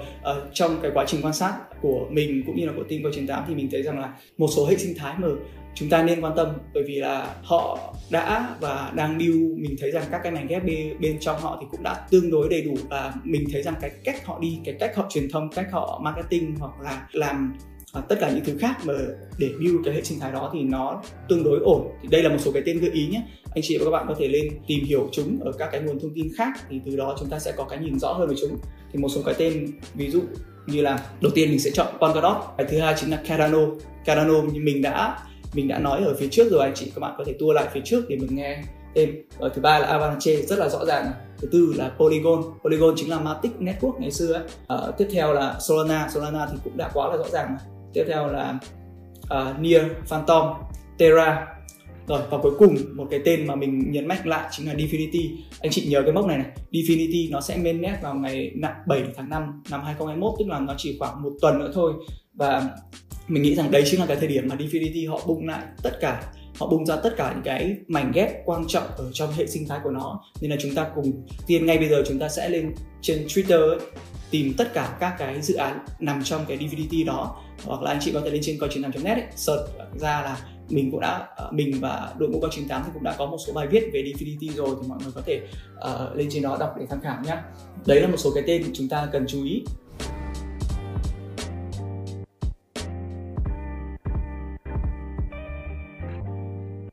Anh chị và các bạn có thể thắc mắc là vậy thì làm thế nào để chúng ta có thể đánh giá và dự phóng được thì cái dòng tiền nó sẽ đổ về đâu và cụ thể là cái mảnh ghép nào của nó? Thì ở đây thì mình sẽ gợi ý một số cái cách đánh giá một số cái chỉ số để nhìn vào chúng ta có thể đánh giá được cái sự uh, lớn mạnh của hệ sinh thái đó hay không và nó đã sẵn sàng nó đã đủ các yếu tố để mà nó đón nhận cái dòng tiền đổ về nó chưa? Thì thứ nhất mình sẽ đánh giá vào số lượng DApp được build trên nó cái hệ sinh thái, cái blockchain layer 1 đó, nó phải thu hút được cái đội ngũ developer họ tham gia vào, họ build được DApp đó. Cái đầu tiên chính là việc số lượng DApp và số lượng developer họ join. Ờ, cái thứ hai chính là số lượng người dùng thật sử dụng các cái DApp đó. Thì anh em và các bạn có thể check nhanh về các cái chỉ số này, chính là các cái số lượng transaction thực được giao dịch bởi người dùng. Cái thứ hai là TVL Total Value Lock, chính là cái số lượng tài sản được lock ở bên trong. Mình sẽ giải thích nhanh nhé. Thì rất là đơn giản, một hệ sinh thái mà nó đã Ừ, và đang phát triển thì chắc chắn là để được nói đến cái từ phát triển thì chắc chắn cái hệ sinh thái nó nó phải có người dùng cuối, đúng không? Có nhiều có nhiều cái đi app được build trên nó, càng có nhiều người dùng cuối thì cái số lượng giao dịch của họ càng lớn. Và cái, các cái dự án, các mảnh ghép bên trong của hệ sinh thái DeFi đó, nó thu hút được cái người dùng thì chắc chắn là cái lượng tài sản lock ở bên trong chắc chắn là nó sẽ lớn và nó tăng trưởng. Nên là chúng ta có thể nhìn vào cái số TVL của cả một cái hệ sinh thái DeFi để chúng ta có thể đánh giá được. Nhưng anh chị và các bạn cũng nhớ nhé là chúng ta không chỉ nhìn vào cái số ở thời điểm hiện tại mà chúng ta nhìn vào cái tốc độ tăng trưởng. Ví dụ thế này từ đầu tháng 4 đến bây giờ một hệ sinh thái DeFi tên là X nó, nó tăng trưởng TVL của nó là một ngàn phần trăm. Tổng cái TVL của nó hiện tại bây giờ là 100 triệu. Mình lấy ví dụ là một tỷ đi. Đó thì một tỷ so với cả bên Binance Smart Chain hay là Ethereum thì rất là nhỏ rất là nhỏ thôi, nhưng mà chúng ta nhìn vào cái tốc độ tăng trưởng của nó, tăng trưởng tới một ngàn phần trăm ấy thì lúc đó chúng ta đặt cái câu hỏi là nếu như mà cái hệ sinh thái nó duy trì được tốc độ tăng trưởng này thì tới cuối tháng sau hay là tới cuối quý 2 này thì nó sẽ tăng trưởng như thế nào, nó có thể bằng cái thằng nào ở trên nó hay không? Đó, thì mình rất là muốn mọi người sẽ lưu ý là chúng ta không chỉ nhìn vào cái số tạm thời ở thời điểm đó, mà chúng ta nhìn vào cái tốc độ tăng trưởng của nó nhé rồi, cái yếu tố thứ ba chính là cái sức ảnh hưởng, sức mở rộng của một của cái hệ sinh thái đó của các dự án bên trong hệ sinh thái DeFi đó sang các hệ sinh thái khác bằng các cơ chế như là cross-chain hoặc là uh, các cái giải pháp khác các cái mảnh ghép bên trong hệ sinh thái DeFi đó thì họ cũng phải xây dựng vững chắc và đầy đủ để sẵn sàng đón nhận được dòng tiền. Thì uh, mình sẽ gợi ý luôn một số keywords uh, mình nghĩ là rất là quan trọng để chúng ta có thể hiểu đúng về toàn cảnh về hệ sinh thái DeFi ở trong ở trong một cái blockchain. Nó gồm có các mảnh ghép như sau thứ nhất là blockchain platform layer 1 và tất nhiên cái blockchain platform này mọi người muốn nhìn thấy rằng là nó có phải phát triển được tiếp hay không thì chính là việc chúng ta nhìn vào ngay cái yếu tố kỹ thuật của nó. Nó phải đáp ứng được một số các cái yếu tố rất là cơ bản và mình nghĩ quan trọng nhất ấy, là khả năng mở rộng. Và một số cái chỉ số khác mà mọi người hay mang ra để so sánh ví dụ là TPS hay là block time thì mình nghĩ là khá là cơ bản rồi. Và phần lớn các cái blockchain họ luôn luôn muốn nhấn mạnh và họ so sánh nó với các cái dự án blockchain platform đã cũ, đã đã đã rất là lâu mà chậm. Ví dụ như là ờ, Ethereum đi, thì họ thường so sánh như vậy. Nhưng mà mọi người quan sát nhé, phần lớn họ so sánh cụ thể với Ethereum thôi. Còn rất là nhiều hệ sinh thái các cái blockchain platform khác thì nó có thể là nhanh hơn họ, nhưng mà họ thường là không đưa vào. Dạ, đấy là layer một. Còn layer thứ hai là các cái các cái yếu tố rất cơ bản khác. Ví dụ như là stablecoin AMM DEX, liquidity, lending, borrowing synthetic assets, ideal platform aggregators invest management trading margin uh, derivatives insurance NFT NFT markets NFT users hay là các giải pháp về payment. Và có một cái nữa mà mình mình mới liệt kê nó vào các cái danh sách các cái tiêu chí cần phải có để một hệ sinh thái nó có thể phát triển chính là bridge. Bridge ở đây dịch ra tiếng việt nó là cầu nối thì mọi người có thể hình dung đơn giản như thế này. Các hệ sinh thái nó đang phát triển để mà nó có thể thu hút được cái dòng tiền từ bên ngoài từ các hệ sinh thái khác thì chắc chắn là nó cần phải có một cái cầu nối. Nếu như một cái hệ sinh thái đó mọi người đang follow mà nó chưa có một cái cầu nối nó chưa giải quyết được cái vấn đề cơ bản là cái làm thế nào đó để được đưa được cái đội ngũ dev đưa được cái người dùng từ các hệ sinh thái to khác về hệ sinh thái của nó thì chắc chắn là chưa có cái cầu nối và cái hệ sinh thái đó nó rất là khó để có thể bùng nổ. Và mình nghĩ rằng nếu chưa có bridge thì lúc đó hệ sinh đó đó có thể coi là chưa sẵn sàng để mà phát triển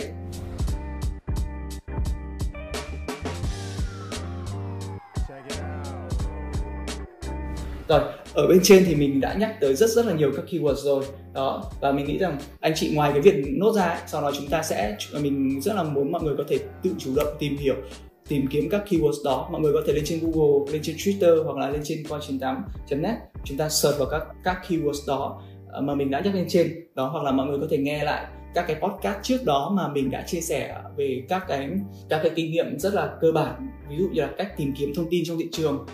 cách sử dụng Twitter để tìm ra các cái tên dự án mới, các cái hidden gem mới cách tạo các watchlist để mà mọi người có thể theo dõi được những cái đồng coin mình quan tâm. Từ đó thì mình có thể so sánh được chúng với nhau. Rồi là à, hay là các cái thuật ngữ API, APR chúng ta hiểu đúng để mà tạo à, có thể kiếm được các cái lợi nhuận về dạng farming hay staking một cách tối ưu nhất. Vừa rồi là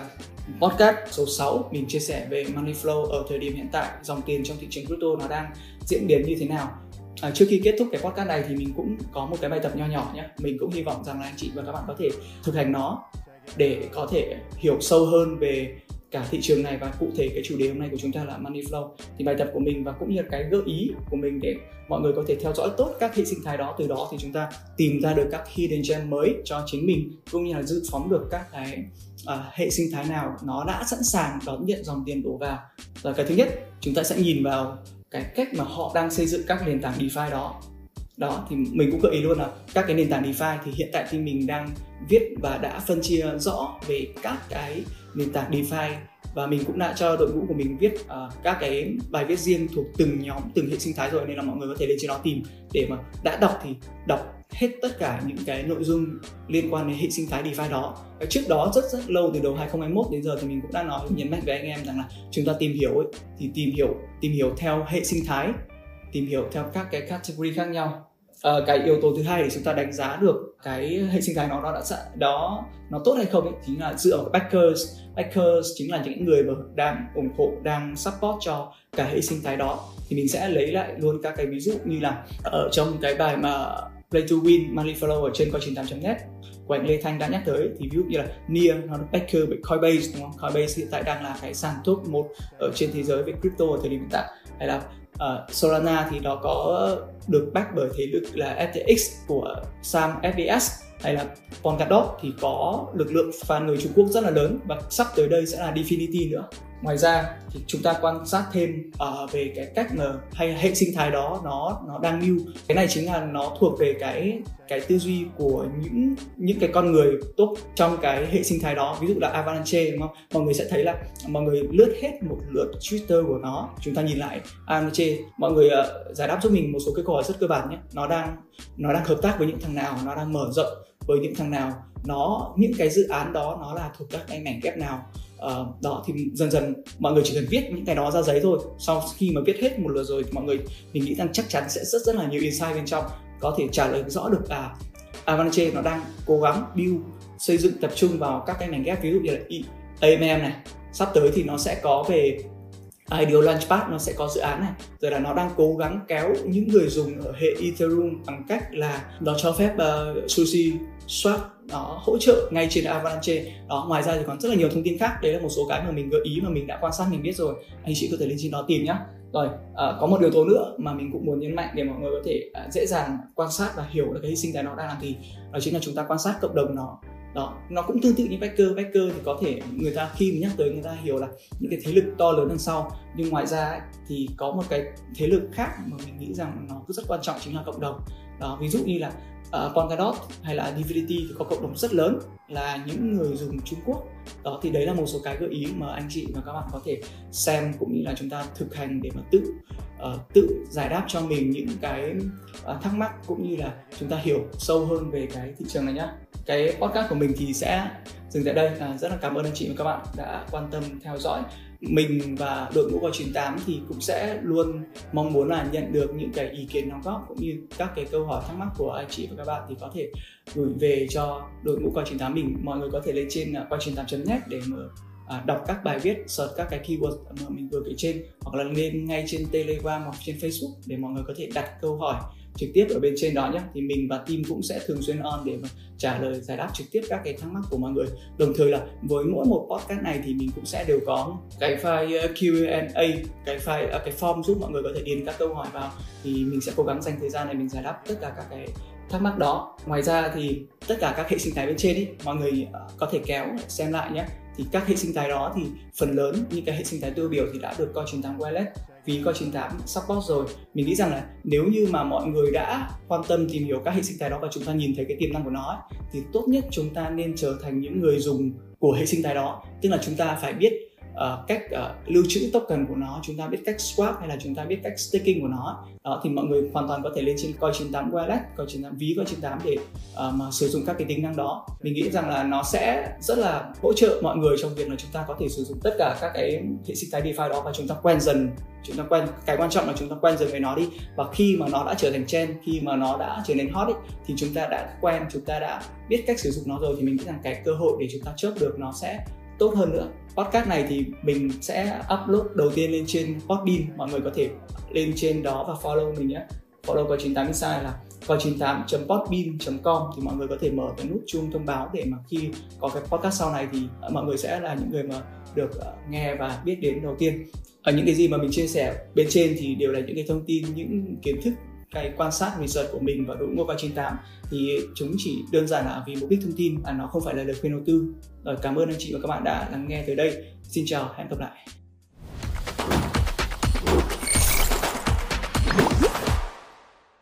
Hello, xin chào tất cả anh chị em, mình là Phan Con và đây là podcast của Con 98 Insight.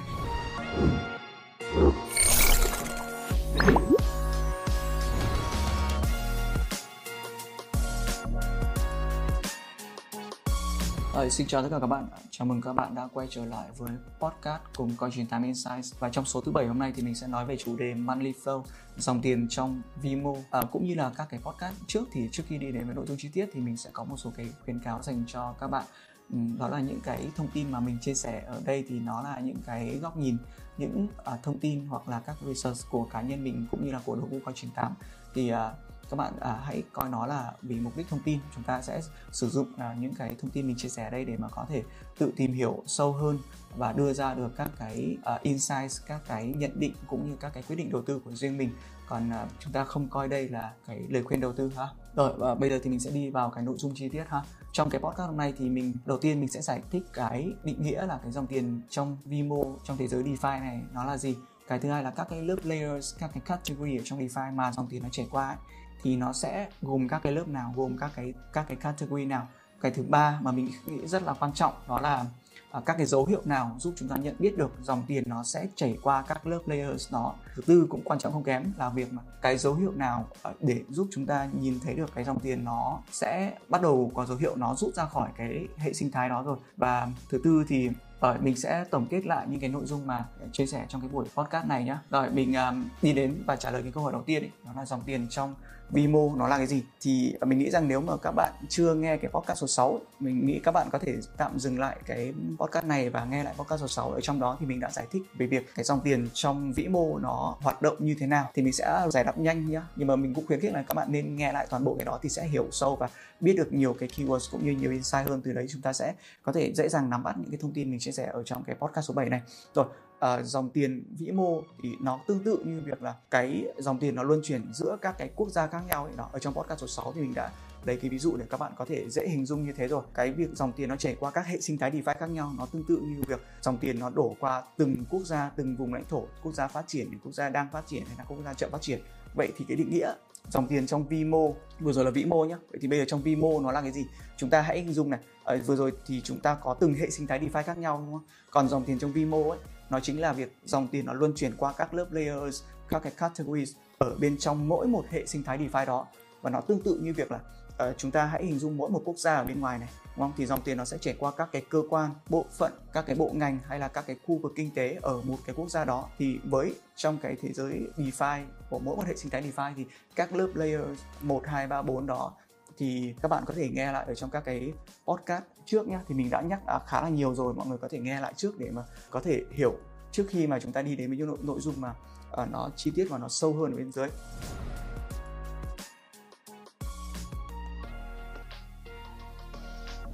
À, đó là việc các layers trong DeFi đó nó là cái gì nó gồm những cái gì và mình sẽ đưa ra một số cái ví dụ cụ thể để mà các bạn có thể dễ hình dung hơn ở bên trong nhé. Thì đầu tiên mình sẽ chia và mình sẽ tạm gọi các lớp layer đó là các lớp layer 1, 2, 3, 4. Và cái lớp layer đầu tiên của chúng ta ấy, chính là các cái blockchain platform. Các cái dự án mà nó issue ra các cái đồng coin mình có thể kể đến ngay và nó sẽ rất là quen thuộc với mọi người đó ví dụ là Ethereum, uh, Binance Smart Chain, um, Cardano, Son, Near hay là Avalanche, Polkadot vân vân đó thì mỗi tương ứng với một với mỗi một cái sinh thái đó chúng ta có các cái đồng coin đó là thì ETH, BNB, ADA, Sonia, AVAX, DOT, Luna vân vân. Đó thì đấy là những cái đồng coin thuộc cái lớp layer đầu tiên. Và lát nữa thì mình sẽ giải thích và mình sẽ lấy luôn các cái ví dụ về việc dòng tiền nó đổ vào đấy và dấu hiệu chúng ta nhận biết được. Cái đó mình sẽ để ở phần sau. Còn bây giờ cái lớp layer thứ hai đây chính là cái lớp layer mà sẽ giúp cho mọi người kiếm và có nhiều cơ hội đầu tư nhất. Và bản thân mình mình cũng đang quan sát và mình đang đưa vào cái watchlist của mình cũng tương đối và phần lớn là các cái dự án các đồng coin thuộc cái lớp layer thứ hai này. Và cụ thể trong DeFi ấy, thì lớp layer 2 đó nó gồm có các cái thành phần ví dụ như là các dự án làm về stablecoin, các dự án làm về AMM liquidity, các dự án làm về lending borrowing ờ, hay là các cái dự án làm về synthetic assets, các cái ideal platform, các dự án làm về NFT, có thể NFT issues hay là NFT marketplace đó hoặc là các cái dự án khác làm về cơ sở hạ tầng như là làm về cầu nối hoặc là Oracle. Đó thì đấy là cái lớp layer thứ hai. Và cái lớp uh, layer thứ ba chính là các cái DApp được build trực tiếp và nó lấy tài nguyên ở trên lớp layer thứ hai. À vừa rồi về uh, cái lớp layer thứ hai nhé thì mình sẽ giải thích thêm để làm thế nào chúng ta nhận diện được nó là lớp layer thứ hai. Thì làm việc nó chính là các cái DApp ấy nó được xây dựng trực tiếp trên lớp layer 1 layer 1 thì mình vừa nói là nó là gì Ether BSC, ADA, Son đúng không? Thì layer thứ hai chính là các cái DApp mà nó được xây dựng trực tiếp trên layer 1. Còn layer 3 ấy chính là các DApp mà nó cũng được xây dựng trên layer 1 nhưng mà nó sẽ sử dụng các tài nguyên ở lớp layer 2 các tài nguyên đó nó có thể là các cái liquidity hoặc là các cái assets crypto nó được issue bởi lớp layer 2 thì mình sẽ lấy luôn một số cái ví dụ mà mình nghĩ là khá là quen thuộc với mọi người để chúng ta dễ dàng nhận biết nhé cái việc chúng ta nhận biết được đúng cái dự án nó nó thuộc lớp layer nào thì kết hợp với việc là chúng ta nhận diện được cái dòng tiền nó chảy qua lớp layer nào thì nó sẽ mang ý nghĩa rất quan trọng để mà chúng ta biết được cái dòng tiền và chúng ta đón đầu được cái dòng tiền và từ đấy thì chúng ta chọn được các cái đồng coin các cái token mà uh, để chúng ta đầu tư trước khi mà giá nó tăng ha. Ví dụ uh, lớp layer 3 thì chúng mình có thể kể đến là đồng DHT của DH thì DH nó là một cái ứng dụng mà uh, nó sử dụng trực tiếp cái thanh khoản của Synthetix Synthetix có cái đồng token của nó SNX đó thì uh, nó tạo ra các cái tài khoản tài sản Synthetix thì thằng DH này nó tạo ra một cái giao diện để mà người chơi có thể dễ dàng uh, mua bán để mà quản lý cái danh mục đầu tư của họ một cách rất là đơn giản ví dụ khác đó là Spa Protocol. Spa Protocol thì nó chính tương tự như là DH luôn. Nó chính là DH nhưng mà nó được xây dựng ở trên nền tảng của Terra Blockchain và với Spa Protocol thì nó sử dụng cái tài sản Synthetics của cái thằng Mirror ấy. Mirror Protocol nó là cái DApp app nó thuộc lớp layer thứ hai của Terra nhé. Còn với Synthetics thì nó là thuộc lớp layer 2 của Ethereum đó thì nó có sự khác biệt như thế để mọi người dễ hình dung nhé à, thì hai thằng này chính là hai thằng khá là tiêu biểu trong cái lớp layer 3 và nó sử dụng trực tiếp cái tài nguyên của lớp layer 2 mọi người ờ, nhớ lại uh, các cái lớp layer này nhé để mở lát nữa thì mình sẽ nhắc lại nó khá là nhiều và uh, mỗi một cái thằng thành phần này thì nó đều liên quan đến nhau và chúng ta hiểu được cái sự liên quan nó thì mình sẽ biết được cái việc là một cái hệ sinh thái đó nó cái dòng tiền nó đang chảy về đâu ha.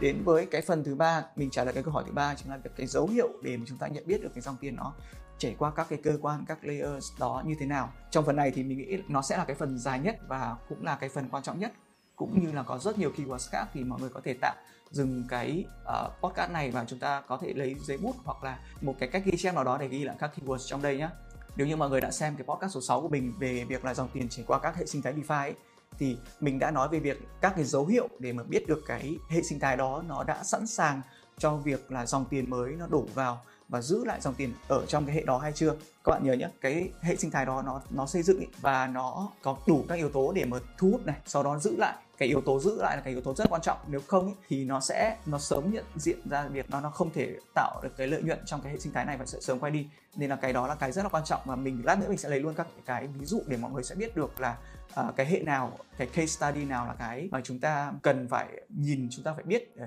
rõ được các cái dấu hiệu nhận biết và từ đó chúng ta không bị vướng hoặc là không bị mắc kẹt vốn ở những cái hệ sinh thái mà nó phát triển ở vời ha. Rồi ở chỗ này thì mình sẽ có mấy cái các đầu dòng như sau. Đó là khi mà dòng tiền vĩ mô nó bắt đầu chảy vào một hệ sinh thái DeFi ấy, thì các lớp cái lớp layer đầu tiên mà nó đón nhận cái dòng tiền đó chính là lớp layer thứ nhất, tức là các cái đồng coin, các cái coin nền tảng ấy thì mình sẽ nhắc lại luôn các cái coin nền tảng mà mình đã lấy ví dụ bên trên nhé thì ví dụ như là ETH, BNB, ADA, Son, Near, Avax, DOT này, vân vân hay là Luna này, ICP hay là kể cả Phantom nữa nhé vậy thì tại sao Ờ, uh, chúng lại đổ vào cái lớp layer đầu tiên. Thì chúng ta hãy uh, quay trở lại các cái lớp layer tất cả các lớp layer 1, 2, 3, 4 mà mình nhắc đến trên ấy mình sẽ phân tích ở cái từng lớp layer nhé các lớp layer 2, 3, 4 ấy thì nó được xây dựng đúng không? Nó được xây dựng trực tiếp trên lớp layer 1 này. Và những những nhà đầu tư ấy, cái dòng tiền nó muốn được tham gia vào cả một hệ sinh thái này thì ví dụ nào nó muốn tham gia việc farming hoặc staking các đồng coin ở hệ ở các lớp layer 2, 3, 4 ấy, thì nó phải dùng đồng coin ở lớp layer 1 tức là các cái đồng như là BNB, ADA, Son, Nia kìa để mà nó mua hay là nó farm hay là nó staking ở bên ở các cái ứng dụng ở các đi app thuộc các lớp 2, 3, 4 đó thế nên ý, nó sẽ tăng cái nhu cầu mua ở các cái lớp layer 1 đúng không? Thì từ đấy uh, nó sẽ tạo ra cái cái cái áp lực mua để mà khiến cho nó tăng cái giá của các cái đồng coin thuộc lớp layer 1 đó. Và đấy chính là cái dấu hiệu đầu tiên và dấu hiệu cơ bản nhất để chúng ta có thể nhận diện được là à cái hệ sinh thái này nó đang có dòng tiền nó đổ vô. Tuy nhiên mình cũng có thể mình cũng nhấn mạnh luôn ấy đó là uh, không phải tất cả các trường hợp cái lớp layer 1 đó nó tăng trưởng thì nó báo hiệu cái việc là dòng tiền nó nó đổ vào nhé lát nữa mình sẽ có những cái ví dụ để mà mọi người có thể dễ à, hình dung và chúng ta loại trừ được các cái trường hợp mà chúng ta có thể hiểu nhầm như thế. Rồi tiếp theo thì dòng tiền nó sẽ đi tìm những cơ hội đầu tư ở các lớp layer thứ hai. Vừa rồi là lớp layer 1 đúng không? Bây giờ chính là việc khi mà lớp layer 1 tăng giá ấy, chúng ta nhận được rồi rồi. À ok tăng giá rồi. Thì bây giờ chúng ta nhìn vào các lớp layer thứ hai mà nó build ở trên layer 1 đúng không? Để mà nhận diện, ví dụ như là các layer nó nó thể hiện qua các thông số như là TVL total value lock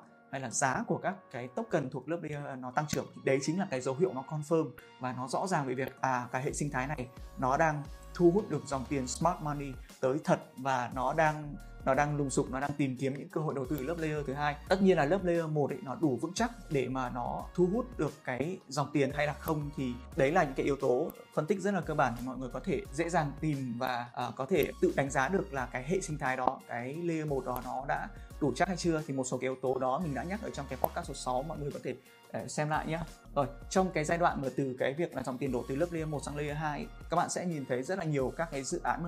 nó build trên layer 1 nó tiếp tục phát triển nó tăng trưởng về số TVL tăng nhanh uh, giá token ở đấy tăng nhanh hoặc là mọi người cái dấu hiệu nhận biết nữa của nó là rất là nhiều dự án thuộc layer 2 nó build trực tiếp lên trên layer 1 đó. Và thường nó sẽ là các cái dự án thuộc các cái mảnh ghép rất quan trọng. Như sau nó gồm có AMM liquidity gồm có lending borrowing hay là nó có thể là các dự án về aggregators thì đấy là những cái mình nhắc nhở nhé đấy là những keywords những cái mảnh ghép quan trọng đầu tiên nó buộc phải có để mà hình thành được cả một hệ sinh thái DeFi nó đủ vững chắc và nó đủ thu hút để mà giữ lại được cái dòng tiền ở bên trong. Rồi bây giờ mình sẽ lấy luôn các cái ví dụ để mọi người có thể quan sát, tự tìm hiểu thêm và chúng ta kiểm chứng được những cái gì mà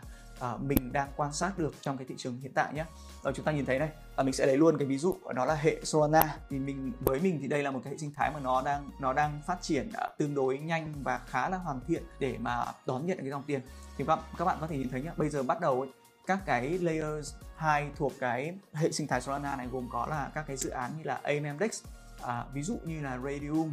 Orca, à, Bonfida. Thì chúng ta nhìn thấy rõ ấy, là cái sự tăng trưởng về TVL của nó rất là lớn đúng không? Kéo theo đó là giá của các cái token đó nó cũng tăng trưởng rất là nhanh. Mọi người quan sát lại này. Và bây giờ các bạn có thể mở luôn cái um, trading view hoặc là có echo để mà check giá nhé thì chúng ta thấy rằng là cái giá của nó tăng trưởng rất là nhanh từ khoảng giữa tháng 4 đến bây giờ đúng không? Điều đấy nó uh, cùng với giá và cùng với TVL thì đấy là hai cái dấu hiệu hai cái số liệu mà chúng ta có thể tự tìm kiếm tự chủ động tìm kiếm được để biết được là à, cái dòng tiền nó đang đổ về đấy tốt rồi. Và tất nhiên ý, mình cũng nhấn mạnh một chút này đó là việc cái giá token nó tăng trưởng ấy chúng ta đầu tư tất nhiên chúng ta sẽ quan tâm tới giá của thằng token đúng không? Nhưng mà bây giờ nhìn lại nhé để mà đánh giá được cái layer 2 nó đang tăng trưởng tốt hay không ấy không chỉ nhìn vào giá mà chúng ta nhìn vào các cái số liệu khác mà mình số liệu cơ bản nhất chính là TVL và cái thằng việc là giá nó tăng trưởng ấy nó không đồng nghĩa và nó không tuyến tính với việc là cái thằng TVL nó tăng trưởng theo đâu. Mà tất nhiên này yếu tố rất là cơ bản này đó là cái thằng token của cái dự án đó nó phải được thiết kế tốt trong cái tokenomics của nó ấy, để mà có thể nó capture được cái giá trị mà cái dòng tiền nó chảy qua. Đó nên là cái yếu tố đầu tiên mà để chúng ta có thể chọn được cái thằng một cái dự án để chúng ta bỏ tiền vô đầu tư khi mà chúng ta xác định cái dòng tiền rồi nhá. Đó là việc chúng các bạn nhìn lại cái tokenomics của nó ấy, nó được thiết kế tốt hay không nó có có các yếu tố các lý do nào khi mà dòng tiền nó đổ vô này thì nó tăng cái nhu cầu mua của token và làm cho nó tăng giá. Đó thì vừa rồi là mình đã lấy cái ví dụ với hệ son và mình cũng kết hợp luôn các cái yếu tố phân tích cơ bản, rất là cơ bản thôi, để mà mọi người có thể à, tìm và chọn được cái đồng coin của mình ha. Thì các cái phân tích cơ bản về một dự án, về một đồng coin thì coin 98 mình đã có rất rất nhiều bài rồi. Mọi người quan tâm đến bất kỳ một cái à, đồng coin nào hay một dự án nào thì phải lên trên coin98.net nhé. Search cái keyword về cái token của nó hoặc là tên đầy đủ của dự án, search là sẽ ra ha rồi mình sẽ lấy luôn một cái ví dụ khác nhá. À, thứ cái hệ mà mình sẽ lấy ví dụ đó chính là hệ Avalanche. Thì cái hệ sinh thái này là cái mà mình cũng đã quan sát à, khá là lâu trong cái quãng thời gian vừa rồi và bản thân mình cũng đang tham gia đầu tư trong cái hệ này. Và mình thấy rằng nó có rất là nhiều cơ hội đầu tư ở thời điểm hiện tại. Rồi à, trước đó thì mọi người thấy là từ hồi tháng 2 năm 2021 tức là sau cái Tết âm lịch ấy, giá Avalanche à, giá AVAX ấy, nó tăng trưởng rất là nhanh đúng không? Nó tăng từ cái mức mình nhớ không nhầm là khoảng loanh quanh khoảng 11 12 đô lên một phát 60 đô tức là loanh quanh khoảng x 6 lần đúng không kéo theo nó là bắt đầu các cái dự án AMM trên cái nền Avalanche nó phát triển rất là mạnh. Mình nhắc lại nhé AMM chính là một trong những cái mảnh ghép đầu tiên mà buộc phải có để mà nó hình thành và phát triển được một sinh thái DeFi. Thế nên ý, từ cái uh, thời à, từ cái giai đoạn mà lúc sau tết à, âm lịch và mình quan sát được cái dự án này nó đang có những cái mảnh ghép AMM đầu tiên ý, thì mình đã nhận diện rằng à cái có thể là đây chính là cái dữ hội đầu tiên mà dòng tiền nó bắt đầu đổ vô rồi à, ok thì mọi người có thể xem lại cái lịch sử để mà biết được ờ, rõ hơn nhé. À, đồng thời là cái số liệu uh, hay là hai cái keyword hai cái tên của dự án này thì mọi người có thể nhớ và nốt lại thì lát nữa mình sẽ nhắc lại để mà các bạn uh, có thể so sánh và biết được cái sự phát triển của một hệ sinh thái cụ thể là cái nhóm EM này nó trải qua các giai đoạn nào và cái dòng tiền nó ao ra rồi nó quay trở lại như thế nào để chúng ta kiếm có được các cái điểm vào tốt cho từng cái việc đầu tư của mình ha rồi, uh, tiếp theo là các cái mảnh uh, ghép ở thuộc các cái lớp layer bên trên, ví dụ là layer 3 hoặc layer 4 thì ở đây mình sẽ lấy tiếp tục lấy ví dụ về DHT, DH nó thuộc lớp layer 3 nhé. Nhắc lại một chút này, DH nó là DApp thuộc nhóm là Asset Management, tức là cái nhóm này là nhóm cái cái DApp này nó giúp cho việc quản lý cái tài sản crypto của người dùng đó và nó được thiết kế đơn giản hơn đơn giản hơn so với Synthetix mình nhắc lại này thì DH nó sẽ lấy trực tiếp cái thanh khoản của Synthetix đúng không? Sau đó là nó cho phép những người tham gia uh, họ có thể là những người mà asset management tức là mình quản lý cái danh mục đầu tư của mình đó mình thực hiện để mình tăng cái tài sản mình đầu tư mình kiếm lời. Và tất nhiên cái dự án này thì họ nhắm tới đối tượng là những cái người dùng cơ bản. Họ có thể không biết nhiều về crypto họ không biết nhiều về DeFi chẳng hạn. Thì cái dự án này nó nhắm tới đối tượng trực tiếp là những người dùng cuối. Tuy nhiên ý, thì với cái quan sát của mình thì phần lớn là cái những người dùng những người mà manager ở trong cái dự án này thì phần lớn có thể họ sẽ đang là các cái quỹ hoặc là các cái tổ chức lớn. Họ có cái số vốn lớn thì mới có thể tham gia được thôi. Thì một số yếu tố khiến cho dự án này nó nó đang khá là kén khách hàng đó chính là cái phi cái phí giao dịch ở trên cái mạng lưới của nó. Bởi vì bọn này nó đang được build trên Ethereum mà, đúng không? Các bạn biết rằng là phí swap hay là phí chuyển ở trên Ethereum bây giờ nó đang rất là đắt đỏ và đấy chính là một trong yếu tố mà cái dòng tiền nó đang có dấu hiệu và trước đây nó có rồi, chính là việc nó bỏ từ Ether sang BSC rồi sang các hệ khác nhé. Thì đấy cũng là một cái tín hiệu tích cực để mà chúng ta tìm được những cái cơ hội uh, ở các cái hệ sinh thái khác rồi mình sẽ quay lại với những chủ đề của DH nhá tính từ tháng 12 2020 ấy thì TVL Total Value Lock của thằng DH này nó tăng từ 1 triệu đến thời điểm hiện tại là 27 triệu tức là nó tăng tới khoảng 27 lần đúng không? Nó tăng trưởng tới 27 lần và đồng thời cái giá của thằng DH này, ở giai đoạn này nó tăng trưởng từ từ 1 đô lên tới 6 đô. Mình nghĩ rằng đây là một cái mức tăng trưởng nếu mà xét về cái góc độ đầu tư thì cũng là một cái mức tăng trưởng khá là lớn. Nhưng ở, ở cái góc độ là mình nhìn cả về một hệ sinh thái DeFi của Ethereum nó phát triển ý thì theo mình đây là một con số nó chưa tương xứng và nó còn khá là thấp với việc uh, Ethereum là một trong những hệ sinh thái đời DeFi nó là top 1 rồi và nó chính là cái tiêu chuẩn để mà các hệ sinh thái khác nó nhìn vào nó phát triển theo. TVL của DH nó chỉ là 27 triệu thôi thì chúng ta đặt lại câu hỏi luôn. Với mình đây là con số thấp nhá chúng ta đặt lại câu hỏi luôn là tại sao nó lại thấp như thế này? Và cái việc giá đi hết nó tăng có x6 thôi thì nó đã tương xứng hay chưa? Mình uh, sẽ giải thích về cái việc tăng trưởng này như sau. Thì mình nghĩ rằng nó sẽ có một số cái yếu tố mà nó ngăn cản cái việc thằng hết này nó nó phát triển uh, và nó tăng cái số TVL lớn hơn nữa. Đó là thứ nhất ấy, cái dòng tiền trong lớp layer thứ hai L2 này nó đang có thể là nó sẽ nó đang được nằm ở các cái mảnh ghép khác. Ví dụ như là aggregators hoặc là các idea platform hơn là việc dòng tiền nó đổ vào cái mảnh ghép asset management của DH có thể là các chính các cái mảnh ghép kia nó sẽ đem lại cái cái lợi nhuận cái doanh thu tốt hơn so với việc là nó đầu tư nó đổ vào DH thế nên là cái dòng tiền nó chưa tới nó chưa tới thằng DH này. Nhưng cũng có thể một cái lý do thứ hai mà mình nghĩ rằng mình cũng đang mình cũng đang tìm hiểu và quan sát xem uh, nó có nó có đúng và nó thiên về lý do thứ hai này không chính là việc cái mô hình cái mô đồ của thằng DH của thằng DAT ấy, nó đang kén người dùng. Ở bên trên thì mình đã nhắc rồi đó là, là nó kén người dùng đúng không? Nó nó chủ yếu là dành cho những người dùng doanh nghiệp người ta có vốn vài trăm ngàn ít nhất là vài chục ngàn. Người ta chơi thì nó mới thoải mái. Nhất là nó kén người dùng hoặc là nó không đủ hấp dẫn. Nó không đủ hấp dẫn để mà cho những người tham gia này ví dụ thằng đi hack nào đang có những cái người dùng như là uh, liquidity providers các manager quản lý tài khoản hoặc là các cái những người tham gia staking nó có thể model của nó không không hấp dẫn đủ những cái người đó nên là cái cái TVL của nó hiện tại mới là 27 mà mình cũng hy vọng rằng là cái cái dự án này nó còn có thể tiếp tục phát triển. Thì tại sao mình lại phân tích sâu vào DH như thế? Bởi vì sao? Ở với mình ờ, thì mình quan sát thứ nhất DH là một trong những cái ví dụ tiêu biểu thuộc lớp layer 3 mọi người ờ, nhớ lại nhé vừa rồi mình đã nói là lớp từ lớp nó dòng tiền nó chạy qua từ lớp layer 1 đến layer 2 đúng không? Và bây giờ ấy, nó sẽ phải quay trở lại à, nó sẽ đi tiếp tục đến layer 3 nếu như mà layer 3 nó không phát triển nó không tiếp tục phát triển nữa thì cái việc cái dòng tiền nó có thể là nó quay đầu hoặc là nó cứ quanh quẩn ở lớp layer 2, layer 1 thôi. Và như vậy là cái cái phase cái giai đoạn đầu tiên của cái của sự phát triển của một cái thằng DeFi một cái nền tảng DeFi thì nó nó đang dừng ở đấy và nó gần như nó nó chưa có giải pháp nào để mà nó giải phóng và nó tiếp tục đưa cái dòng tiền nó phát triển hơn mọi người thấy là với Ethereum thì nó là một cái hình mẫu không? nếu mà nó còn không phát triển đến các lớp, lớp layer đó thì mình cũng sẽ uh, phần nào đó thì mình sẽ hơi lăn tăn khi mà mình nhìn vào cái sự phát triển của cái cái uh, nền tảng DeFi khác mà nó nó đang nhỏ hơn nó đang còn trong trạng thái đang phát triển để mà nó lấy cái thằng Ethereum hoặc là thằng BSC làm cái tiêu chuẩn ha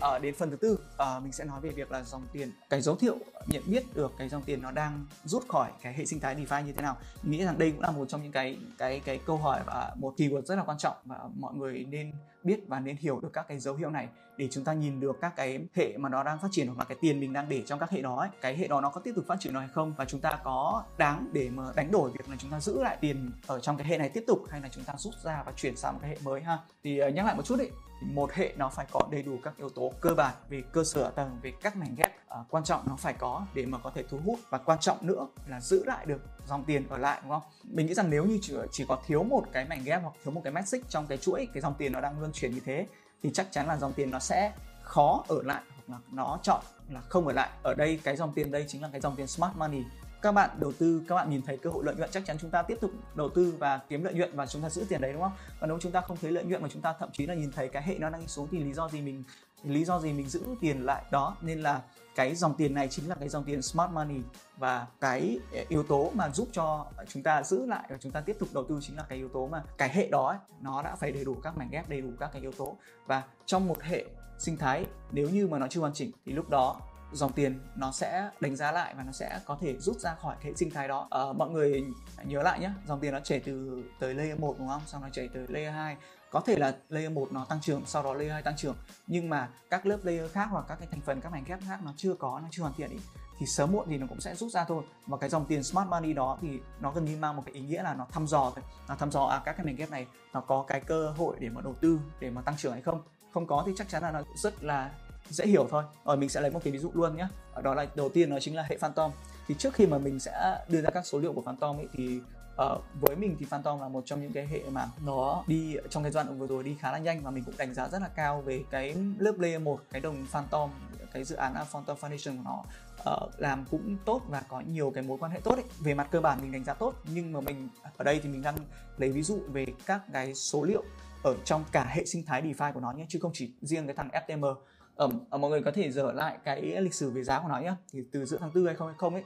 là cái đồng FTM nó tăng trưởng cực kỳ nóng nó tăng trưởng từ 0.25 tới gần 1 đô tức là nó gần x4 đúng không? Việc này chắc chắn là nó uh, nó cũng sẽ nó nó make noise nó sẽ tạo ra những cái điểm thu hút để cái dòng tiền từ những cái hệ khác hoặc là những cái nhà đầu tư khác họ đang còn dòng tiền nhà rỗi họ sẽ quan tâm đến cái này. Họ chú tâm đến cái hệ sinh thái của thằng Phantom này uh, có thể là cái dòng tiền nó nó nó sẽ chuyển từ các hệ sinh thái lớn khác ví dụ như là BSC, Ether hay là Son đổ vào để mà lùng sục và tìm các cơ hội đầu tư. Đó cái yếu tố đầu tiên để nó thu hút được dòng tiền chính là việc cái đồng layer 1 cái dấu hiệu của nó layer 1 là tăng trưởng đúng không? Ok có có cái yếu tố đầu tiên rồi. Chúng ta cũng thấy luôn này các dự án AMM trên nền của Phantom ấy nó cũng được ra đời và cũng có sự tăng trưởng cực kỳ nhanh. Mình sẽ lấy luôn các ví dụ mà hai dự án này mình cũng đang follow rất là chặt đó là Spirit và Spocky. Có hai cái token tương ứng của nó là token Spirit và token ờ, Bull ở ờ, mọi người thấy là cái TVL của hai thằng này tăng trưởng cực kỳ nhanh và giá của nó cũng tăng trưởng rất là nhanh nữa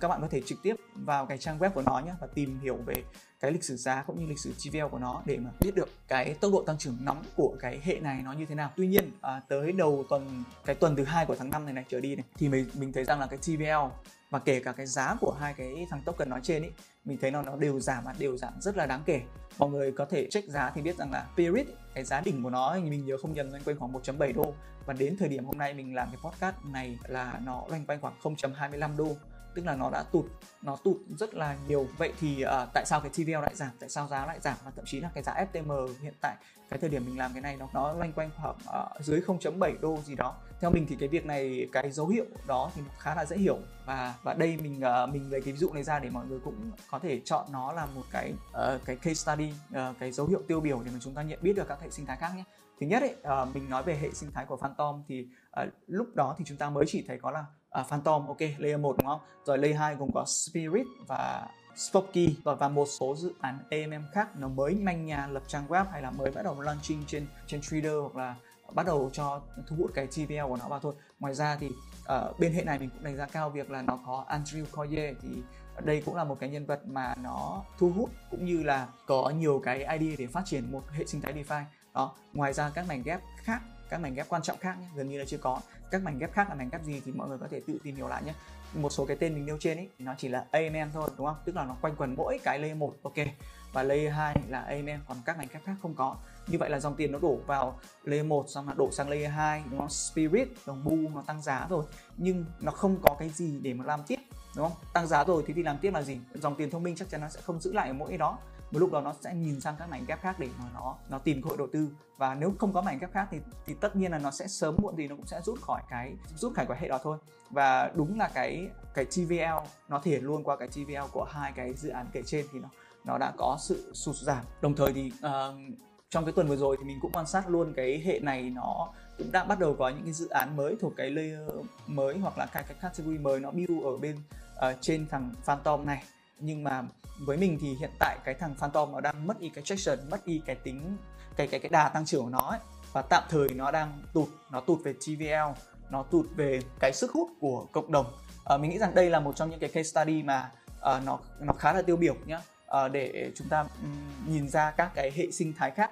Và với mình ấy, thì uh, Phantom cũng là một hệ mà mình cũng đang dành cái sự quan tâm. Không phải việc nó giảm TVL nó giảm cái giá token mà mình bỏ qua các cơ hội đầu tư. Mình vẫn tiếp tục follow để mình xem được các dấu hiệu nào tiếp theo cái hệ này nó quay trở lại và nó thu hút được tiếp cái dòng tiền. Và với mình thì mình sẽ tập trung vào quan sát việc à cái hệ này các mảnh ghép còn lại của nó nó đang có hay là không và nó phát triển như thế nào các dự án nó nó có ngon nó có nghiêm túc nó có kết hợp được các cái mảnh ghép các category khác của nó với nhau hay là không hay nó là phát triển riêng rẽ hay là toàn là các dự án scam vân vân. Rồi mình sẽ lấy thêm một cái ví dụ khác nhá. À, đó là ví dụ ờ, về hệ sinh thái Avalanche. Thì đây là một trong những hệ sinh thái mình nhắc lại là mình cũng follow khá là chặt và mình cũng đang tham gia đầu tư một phần portfolio của mình ở cái hệ này. Thì uh, mình ờ, nhắc lại cái một số cái dự án thuộc cái layer 2 của cái hệ này gồm có là uh, Snowball đồng À, Snoop hay là Pangolin đó thì đây là hai cái ờ, dự án thuộc cái lớp layer 2 nó thuộc category là AMM nhé thì ờ, tương tự như là Bu hay là Spirit ở trên Phantom ấy, thì cái DF này nó cũng tăng trưởng nhanh cùng với cả à, AVAX đúng không? Nhưng mà sau đó nó có dấu hiệu trùng xuống là do các cái mảnh ghép khác của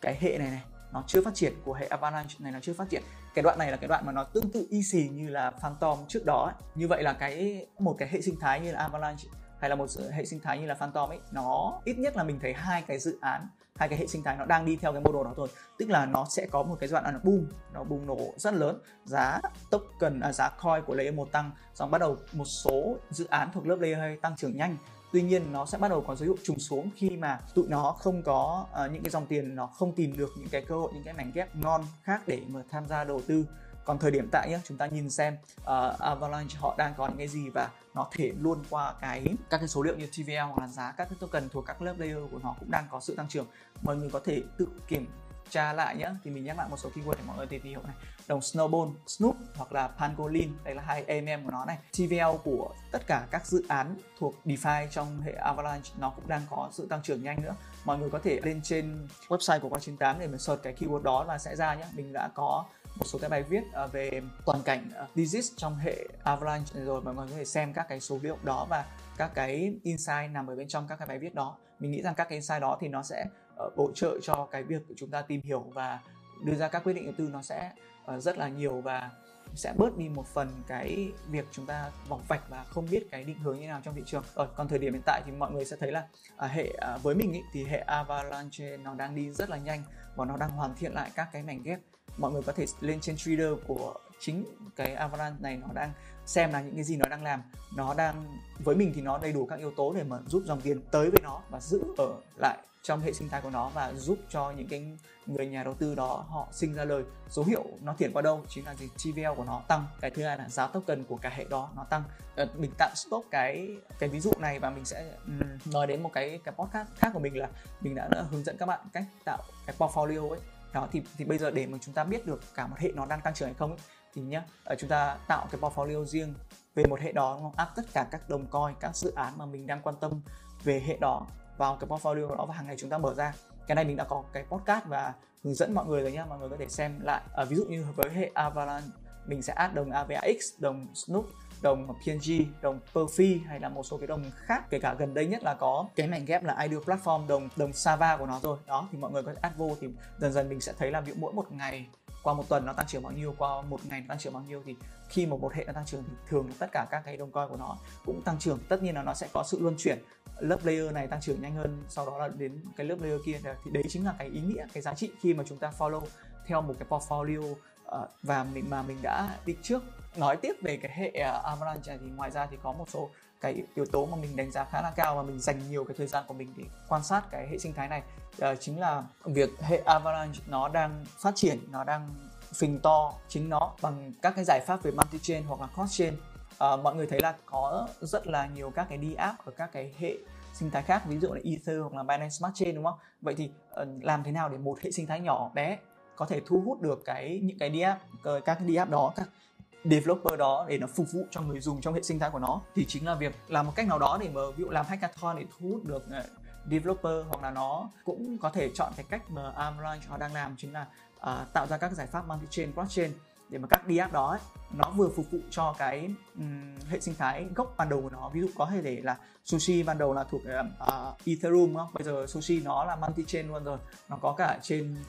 Dot có cả trên Avalanche có cả trên BSC đó thì đấy chính là cái yếu tố mà mình đánh giá khá là cao và mình dành cái thời gian để quan sát cái hệ này tương đối là nhiều so với các hệ sinh thái khác.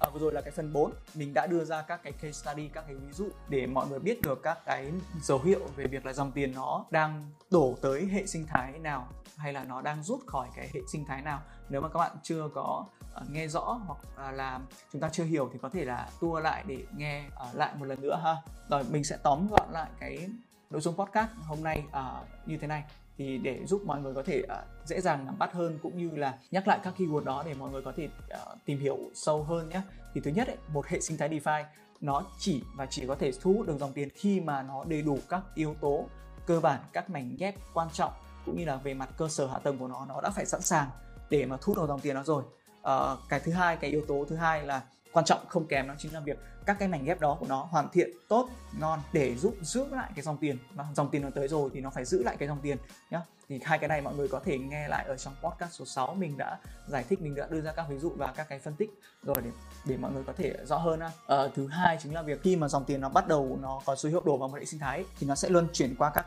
lớp layer. Các lớp layer đó là 1, 2, 3, 4 thì layer 1 chính là à, các cái đồng coin của cái blockchain platform một hệ sinh thái đó lớp layer 2, layer 3 chính là các cái mảnh ghép quan trọng. Đây là các keywords mọi người nốt lại nhé. Các AML liquidity các cái dự án về lending borrowing các dự án làm về stablecoin về synthetics về ideal platform hay làm về NFT uh, ờ, aggregators vân vân.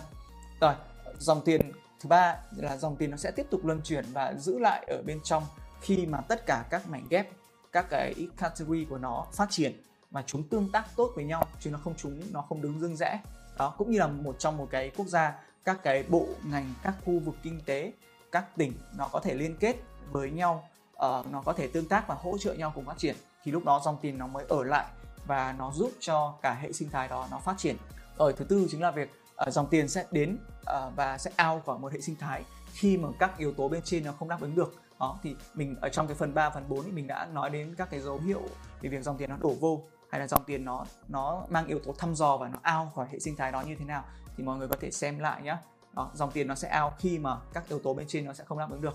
Thì vừa rồi là những um, chia sẻ những thông tin của mình ở trong cái podcast số 7 này. Ờ, cũng như là mọi cái podcast trước thì mình cũng cảm ơn tất cả mọi người đã quan tâm và lắng nghe podcast này. À, các cái thông tin ở trong podcast thì um, nó chỉ vì mục đích thông tin và không được xem là lời khuyên đầu tư ha. Ở trong cái podcast này thì mình cũng đã nhắc tới rất rất nhiều các keywords thì mình cũng vọng rằng mọi người có thể nhớ nốt lại hoặc là có thể tự chủ động tìm hiểu thêm về các keywords đó. Ngoài ra thì um, trong đó thì mình cũng đã nhắc tới một số cái cách một số cái tips cũng như là cái kinh nghiệm để mà mọi người có thể follow trên trader cho một hệ nó như thế nào. Cái cách chúng ta tạo portfolio để tạo cái watchlist của mình để follow cả một hệ hay là dòng tiền trong vĩ mô nó như thế nào. Thì các cái thông tin đó thì mình đã chia sẻ ở trong các cái podcast trước mọi người có thể tìm và nghe lại nhé. Có thể lên trên website của coi 98 để mà search các cái podcast đó hoặc là có thể nghe nó ở trên các cái nền tảng khác. Thì hiện tại thì uh, cái podcast của các chuyên tá mình đang uh, tập trung uh, đưa lên cái nền tảng Podbean trước. Nhưng mà trong thời gian tới thì mình cũng đang cố gắng để đưa lên trên Spotify, Apple Podcast hoặc là đưa lên trên YouTube là sắp tới gần nhất. Đó thì mình cũng hy vọng mọi người tiếp tục ủng hộ subscribe và có thể comment đóng góp các cái ý kiến về các cái chủ đề mà các bạn muốn lắng nghe ha. Rồi mình cũng giải đáp luôn một số cái thắc mắc một số cái câu hỏi của các bạn dành cho đội ngũ 98 đó là tại sao mình trong các cái podcast này hay là trong các cái uh, bài viết của coi 98 trên coi 98.net ấy, uh, mình không có phân tích cụ thể về một cơ hội một dự án hay là hay là ra kèo. Bởi vì mình nghĩ rằng là các cái kiến thức hay là các cái um, gì mình chia sẻ ở đây thì nó chính là các cái cách tư duy của chúng ta ở trong market cái đó nó sẽ quan trọng và nó sẽ giúp mọi người có thể tự tiếp tục học hỏi và hoàn thiện cái kỹ năng đầu tư của mình để mà có thể đưa ra được cái chính mình chính mình học hỏi và có thể tự chơi tự kiếm lời của mình được trong thị trường chứ không chỉ là uh, các cái thông tin về kèo hay là hay là các cái đồng coi cụ thể nào đó. Rồi thì đấy là một trong những cái lý do mà mình mình luôn muốn rằng uh, những cái thông tin ở trong podcast hay là các cái bài viết hay là cũng như các cái kênh khác của coi 98 thì sẽ giúp cho các bạn có thể learn thêm được. Và từ đấy thì chúng ta sẽ hoàn thiện các cái kỹ năng của mình hơn ha. Và xin cảm ơn tất cả mọi người đã lắng nghe và hy vọng rằng thông tin trong podcast này sẽ có nhiều giá trị tới anh chị và các bạn. Xin chào và hẹn gặp lại.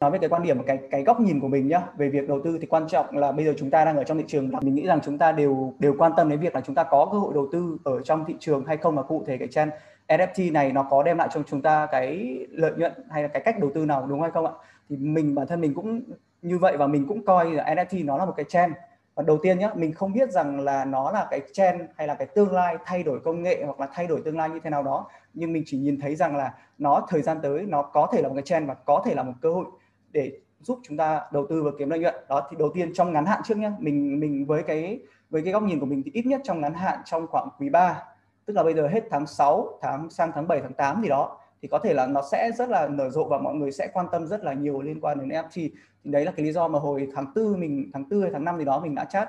à, mình mình đã có một cái post là mọi người nên quan tâm đến chủ đề NFT bây giờ chúng ta cùng nhìn lại này tại sao à, uh, NFT trong thời gian tới nó lại có thể là một cái trend? Bây giờ mình muốn mọi người hãy nhìn lại nhé cái thủa mà 2019 ý, khi mà sau khi mà à, hồi ờ, bit nó đi ngang suốt khoảng giá 6k cuối năm 2018 không nó sập sau đó là thị trường rơi vào cực kỳ ảm đạm và không có bất kỳ một cái xu hướng gì nó nó rõ ràng cả. Và cái thời điểm đó là cái thời điểm mà mình nhìn thấy rằng rất rất nhiều dự án ấy nó drop nó chết đi và thậm chí team nó không hoạt động không cái gì cả mà nó cứ thế âm thầm nó chết đi thôi thì đến đầu 2019 mọi người có nhìn thấy là gọi chúng ta hay cái thở ở đó mình đọc một số cái bài họ nhận định rằng là Binance CZ CEO của nó ấy, nó chính là cái vị cứu tinh khi mà nó tạo ra cái trend IDO đúng không? Mọi người nên nhớ lại 2019 ý, chúng ta có rất là nhiều IDO và đặc biệt là Binance họ khởi xướng ra cái trend đó và nó đã nó đã ít nhiều nó đã cứu cánh cho cả thị trường khi mà thị trường nó đang đi xuống nó đang đi xuống mà không có gì mới cả thì mình chúng ta nhớ nhé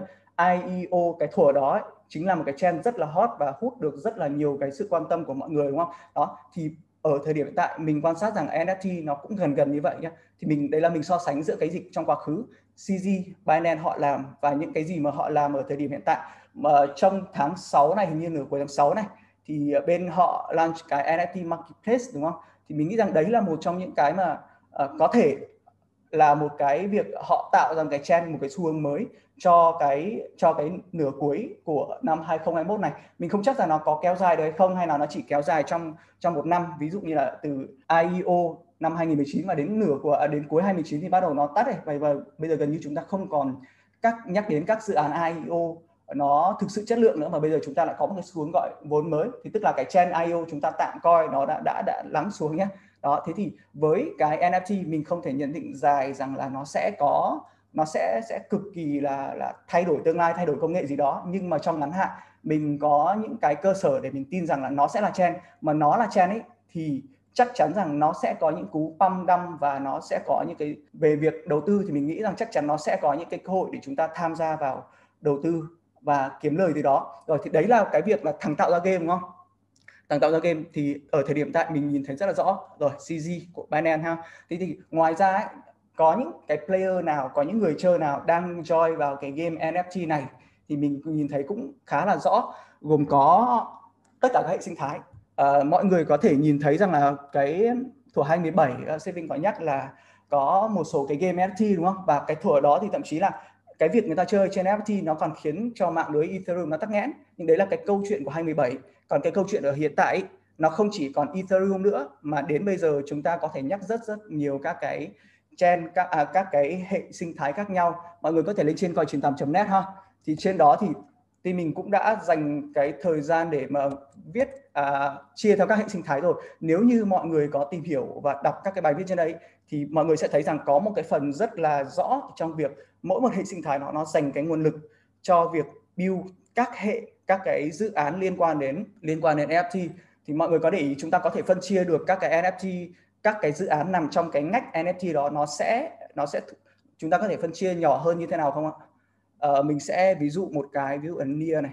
Mọi người đọc Nia thì cũng có thể ra luôn ha. Ờ, hình như là cái website mình bây giờ nó đang chậm thì mình sẽ load ở trên đây ha. Thì với cái NFT mình sẽ chia nó gồm có mọi người khi mà chúng ta tìm hiểu nhé nếu như các bạn muốn quan tâm mình không nói đến việc cơ hội đầu tư nhưng mà bây giờ chúng ta phân tích cái NFT này thì chúng ta sẽ phân tích như thế nào ha? Thì đầu tiên ấy NFT nó phải có những thằng mà nó phát hành NFT ha? Thì mình sẽ gọi nó là NFT issuers những nhà phát hành. Khi mà họ phát hành NFT thế thì phải có những cái nơi để họ giao dịch. Cũng tương tự như việc là CZ nó có sàn Binance hay là các cái sàn khác để mà họ giao dịch đúng không? Chúng ta có một nơi để mà giao dịch. Thì nó gọi mình sẽ gọi nó là NFT marketplace ha? À, ngoài ra thì chúng ta còn có các cái ứng dụng khác liên quan đến NFT có thể là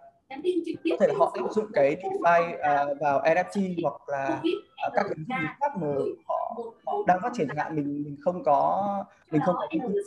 không có update nhiều về cái này nhưng mà về các bạn chúng ta hãy gồm hai cái này nhé khi mà rồi ok cảm ơn mọi người đã đợi. À, mình sẽ nói tiếp. Thì bây giờ khi mà chúng ta các bạn đã xác định được nó là các cái player nào đúng không? Trong NFT nó gồm có các player nó là nhà phát hành hay là nó là marketplace nơi mà cho phép giao dịch mua bán các cái NFT đó hay là nó là gộp cả các cái model của nó. Đó thì bây giờ khi mà chúng ta đã rõ rồi chúng ta sẽ phân tích thêm uh, cái việc là cái dòng tiền nó đã sẵn sàng đủ về đó hay chưa. Thì cái dòng tiền ấy mình đã có một cái postcard nó uh, hai cái postcard liên quan đến việc dòng tiền trong từng hệ sinh thái hay là trong từng uh, từng cái uh, các cái category nhỏ ở bên trên. Mọi người nhé chúng ta đặt rồi chúng ta đặt cái câu hỏi là cái việc NFT của cái thằng hệ đó ấy, nó đã sẵn sàng để mà đón cái dòng tiền này vô hay chưa? Thì đấy là cái câu hỏi là mình mình đã giải đáp trong cái postcard số 7 nhé mọi người có thể lên trên nó tìm lại các yếu tố nào để cho một hệ sinh thái hay là một cái category nhỏ này, cái mảnh Legos của nó này, nó đủ yếu tố để mà đi vô hay chưa? Đó, đấy là cái mà mọi người sẽ nhìn thấy rõ về việc là chúng ta có cái cơ hội đầu tư của nó hay không. Nhưng mà ở đây mình sẽ ở mình mình sẽ nói thêm về việc là chúng ta sẽ đầu tư và chúng ta sẽ kiếm tiền ở trong chain NFT như nào. Mọi người khi mà nhắc đến một chain đúng không? Chúng ta hay nhắc đến là token. Chain NFT nó sẽ có token NFT ha? Rồi ờ, chúng ta có token của dự án NFT mọi người có thể kể tên cho mình một số dự án NFT mà bây giờ nó có token được không ạ? Mọi người comment luôn ha. Thì mình sẽ chỉ ra cái nào là cái token NFT để chúng ta đầu tư hay là nó là cái token governance của dự án. Rồi ok mình thấy mọi người nhắc đến một số con. Ví dụ là gì? Bake, Alice rất nhiều CSZ, Sen rồi là Mana các thứ đúng không? Rồi ok nhá. Thì phần lớn những cái cái đồng token đó ấy, nó là những cái đồng token thuộc cái governance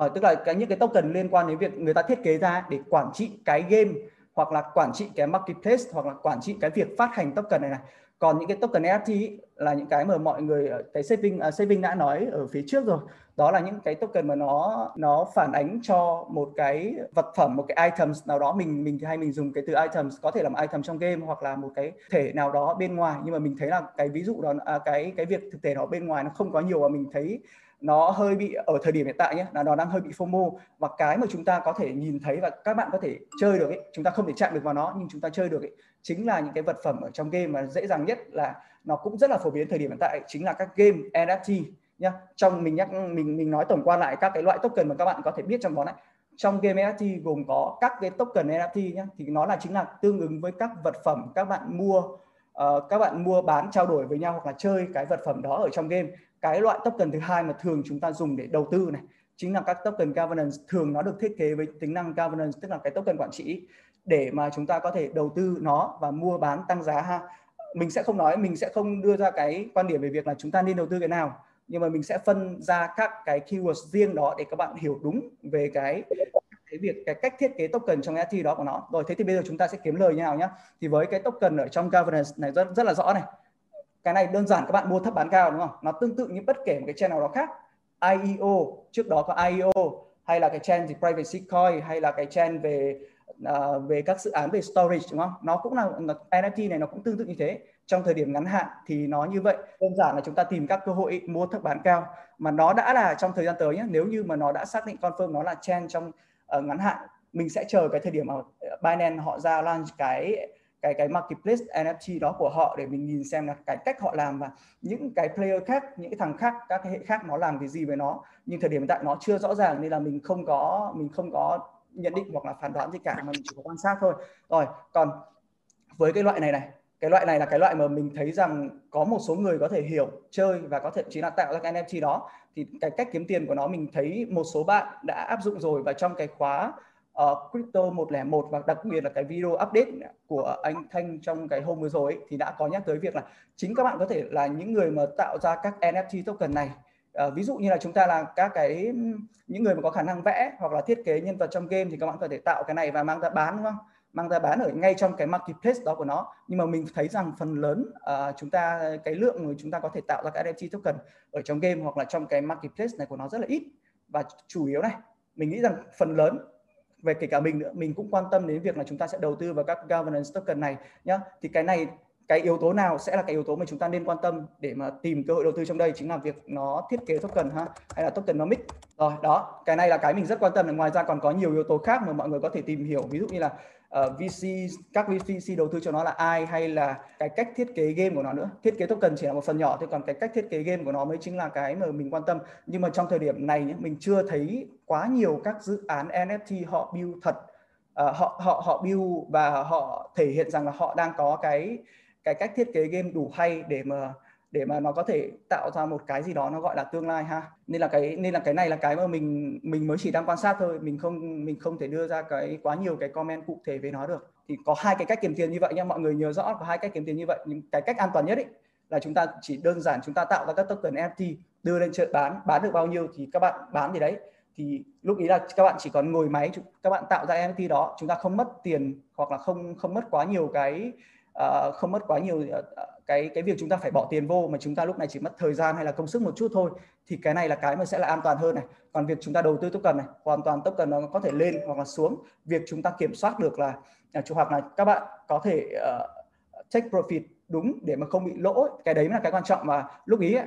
chúng ta nhìn lại nhé tất cả các các cái cách mà các bạn chơi trong cái chain trước đó ấy, chúng ta nhớ lại này các cái chain IEO hay là IDO gần đây hoặc là các chain storage coin hay là kể cả như là một xu hướng lớn như là U farming, ID, uh, à, DeFi chẳng hạn.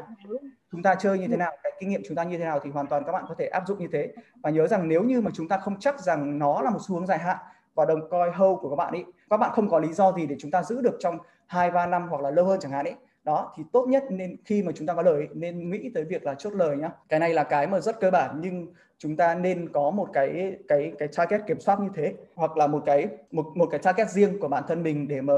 rút kịp lúc chứ không bị uh, stuck ở bên trong. Vừa rồi là mình nói việc là à, uh, CZ hoặc là Binance họ tạo họ đang cố gắng tạo ra xu hướng đó đúng không? Thế thì những cái hệ sinh thái khác mình cũng nói là việc họ cũng đang cố gắng tạo ra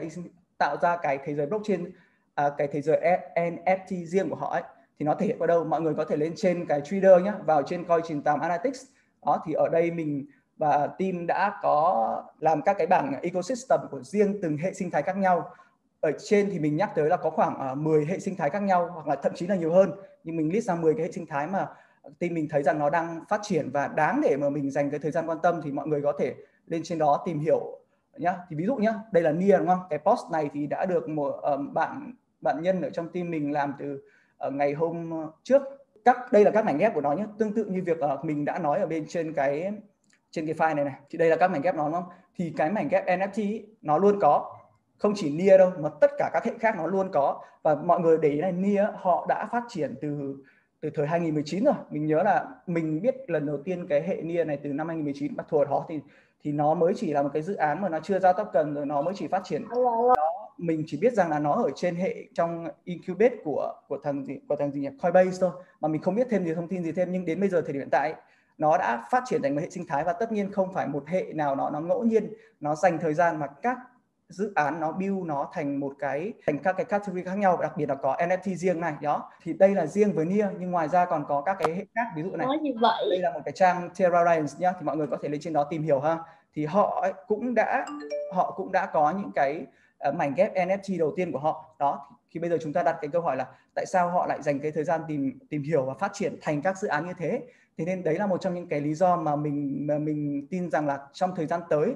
có thể chen thậm chí là chen ngắn thôi nhá. Nó cũng là NFT thật, mình cũng không tranh cãi về việc nó có phải là chen không. Quan trọng là chúng ta có thể kiếm tiền được từ nó hay không. Và đấy là một số cái à, một số cái gì nó nó đã có, nó đã xảy ra sẵn trong thị trường. Và mọi người nhìn thấy rằng nó đã có sự chuẩn bị sẵn để cho cái chen nó rồi, thì có thể là có chen nhưng à, với cái với cái góc nhìn của mình hiện tại thì cái chen NFT này nó, đầu tiên nó là chen ngắn trước. Và chúng ta khi mà chơi, chúng ta chơi với góc nhìn của một cái thằng chen ngắn tốt nhất là nên thứ nhất là chúng ta khi mà chơi phải biết rằng là à, chúng ta đang ở trong cái chen cụ thể trong cái trường hợp này chen FT cái thứ hai là phải có một cái kế hoạch chốt lời riêng của bạn. Đó. Còn khi mà nó đã xảy ra và bắt đầu bạn các bạn nhìn thấy đỉnh ví dụ là có thể là đỉnh của NFT mình không biết là bao giờ nó xảy ra nhưng nếu như là nó mà đỉnh của NFT và tiếp tục chúng ta chúng ta thấy, chúng ta thấy nó quá ngon để tiếp tục say và đổ tiền vô nó thì thì đấy là cái rất là rủi ro cho tất cả các bạn khi mà chúng ta cho một chen mà nó rất là đáng tiếc. Đó chúng ta nhìn lại tất cả các chen trước đấy đi. Nó đều là trend mình không mình không biết rằng nó là trend nào là trend dài hay là nó kết thúc ngắn hay là kể cả gần đây nhất nó là các cái trend thú ấy, đúng không? Nếu như các bạn không rút kịp thì nó là một cái rủi ro cực kỳ cực kỳ lớn. Thế nên ấy, là luôn có một cái kế hoạch các bạn chốt lời ha. Còn trong một cái xu hướng trong một cái trend mà các bạn đã có điểm vào tốt rồi ấy, thì cái việc chúng ta chơi vào win có thể win nhiều win ít có thể là ăn được xx hoặc là x thôi hoặc là vài chục phần trăm thôi thì mình nghĩ đấy cũng là cái phần lợi nhuận mà mọi người nên nên có tư duy chúng ta giữ nó lại ha. À, vừa rồi là có Nia đúng không? Có Terra đúng không? Ngoài ra chúng ta còn có các hệ nào khác nhỉ? Ví dụ như là Solan Solana này. Ở đây thì ờ, cái kênh Solana này thì họ cũng đã tách riêng. À ví dụ đây là cái mảnh ghép à, uh, Legos NFT của họ đây là cái trang mà mọi người có thể tham khảo nhé chúng ta chúng ta tham gia à, chúng ta follow các này chúng ta nhớ là tham khảo thôi. Các bạn luôn nên có những cái nhận định hoặc cái góc nhìn và các chính là các cái phản biện của các bạn tại sao cái xu hướng này hoặc là tại sao cái việc dự án nó nó lại làm như thế và chúng ta có cái cơ hội đầu tư của chúng ta hay không và cái rủi ro chúng ta như thế nào khi mà tham gia nhé rồi thì đây là một số cái mảnh ghép riêng của NFT thì cái trang này họ đã phân chia rất là rõ về việc là ví dụ là NFT marketplace thì nó gồm có các dự án gì các dự án riêng về gaming uh, rồi là các cái dự án riêng về collectibles sưu tập vật phẩm hoặc là các cái thứ khác ha. Thì đây nếu mà so sánh với hệ hệ Terra Terra thì gần như có một cái mảnh ghép này thôi. Hay là Solana uh, ờ, hay là thì hay là Nia thì bây giờ nó thế thì nó cũng ngang ngang như Nia đúng không? Tức là khi mà chúng ta khi mà các bạn chơi thì mình mình nhắc lại nhé là bất kể một cái trend hay là một cái category cái Legos riêng nào ấy chúng ta sẽ so sánh các cái hệ sinh thái khác nhau đúng không? Vừa rồi mình có so sánh nhanh các hệ thì hệ Nia hệ Terra hệ Son chúng đều có rồi. Ngoài ra còn kể tới các hệ như Ether hoặc là BSC thậm chí còn còn rất rất là, là nhiều khác. Đó thì khi đó chúng ta phải so sánh được là cái xu hướng NFT đó nó đang phát triển mạnh nhất cái nào và chúng ta sẽ đón được cái dòng tiền đổ về đó ha. Còn việc uh, dòng tiền như thế nào thì các bạn hãy lên trên coi 98 để ờ, tìm cái các cái postcard mà mình đã làm trước đó ấy, thì chúng ta sẽ hiểu được cái việc xu hướng và cái cách vận động của dòng tiền và cái quan trọng ấy, khi mà dòng tiền nó chảy vô rồi ấy, thì cái yếu tố nào sẽ khiến nó được giữ lại ở bên trong nhá. Rồi mình sẽ nói luôn một số à mình sẽ mình sẽ chia sẻ thêm một số cái một số cái thông tin mà mình biết và cái dựa trên cái quan sát của mình ấy đó là phần lớn tất cả các dự án DeFi ở thời điểm hiện tại họ luôn cố gắng gắn họ với cả cái keyword NFT này mình không chắc và cũng không hiểu tại sao họ lại cố gắng làm như thế. Nhưng mà bây giờ chúng ta đặt lại câu hỏi này. Bây giờ mình đặt một cái giả định nhé à có phải là họ biết rằng đó là một xu hướng,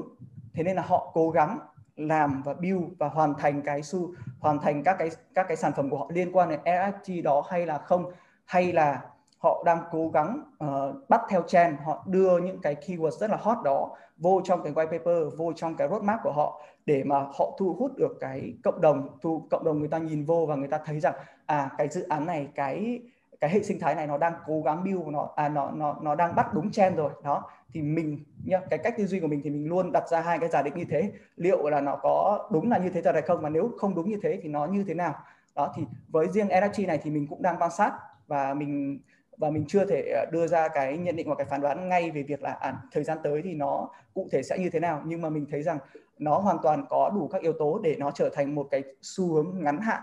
trong ngay thời gian tới thôi ha. Thì cái mức mà mình có nhắc lại mọi người là hình như là ngày bao nhiêu tháng tháng 6 đấy nhỉ? Mọi người biết thì comment lại giúp mình ha. Ngày bao nhiêu tháng 6 của uh, tháng này thì là uh, bên uh, Binance họ ra NFT Marketplace nhỉ? Thì trước đó thì họ cũng có một số cái bài viết của riêng họ rồi đúng không? Ờ, các bài viết về NFT Marketplace của riêng Binance rồi thì mọi người có thể đọc. Nhưng chúng ta nên tìm hiểu và đọc các cái thông tin đó. Rồi từ ngoài ra ấy